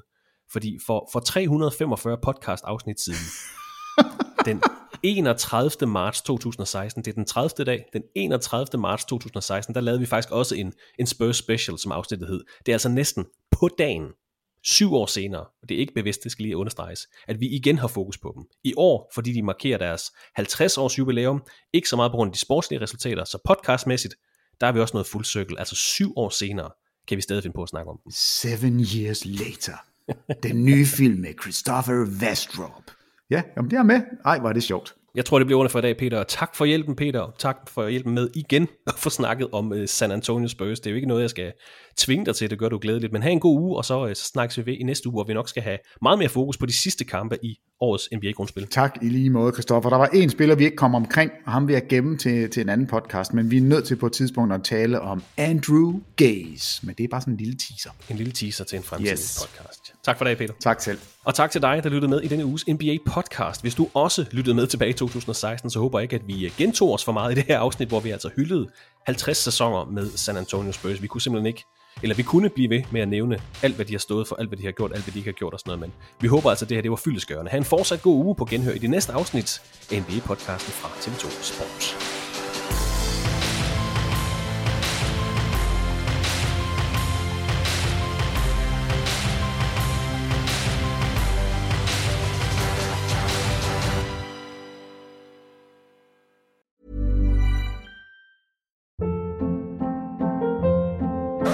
Hold up. What was that? Boring. No flavor. That was as bad as those leftovers you ate all week. Kiki Palmer here, and it's time to say hello to something fresh and guilt-free. Hello Fresh. Jazz up dinner with pecan-crusted chicken or garlic butter shrimp scampi. Now that's music to my mouth. Hello Fresh. Let's get this dinner party started. Discover all the delicious possibilities at hellofresh.com.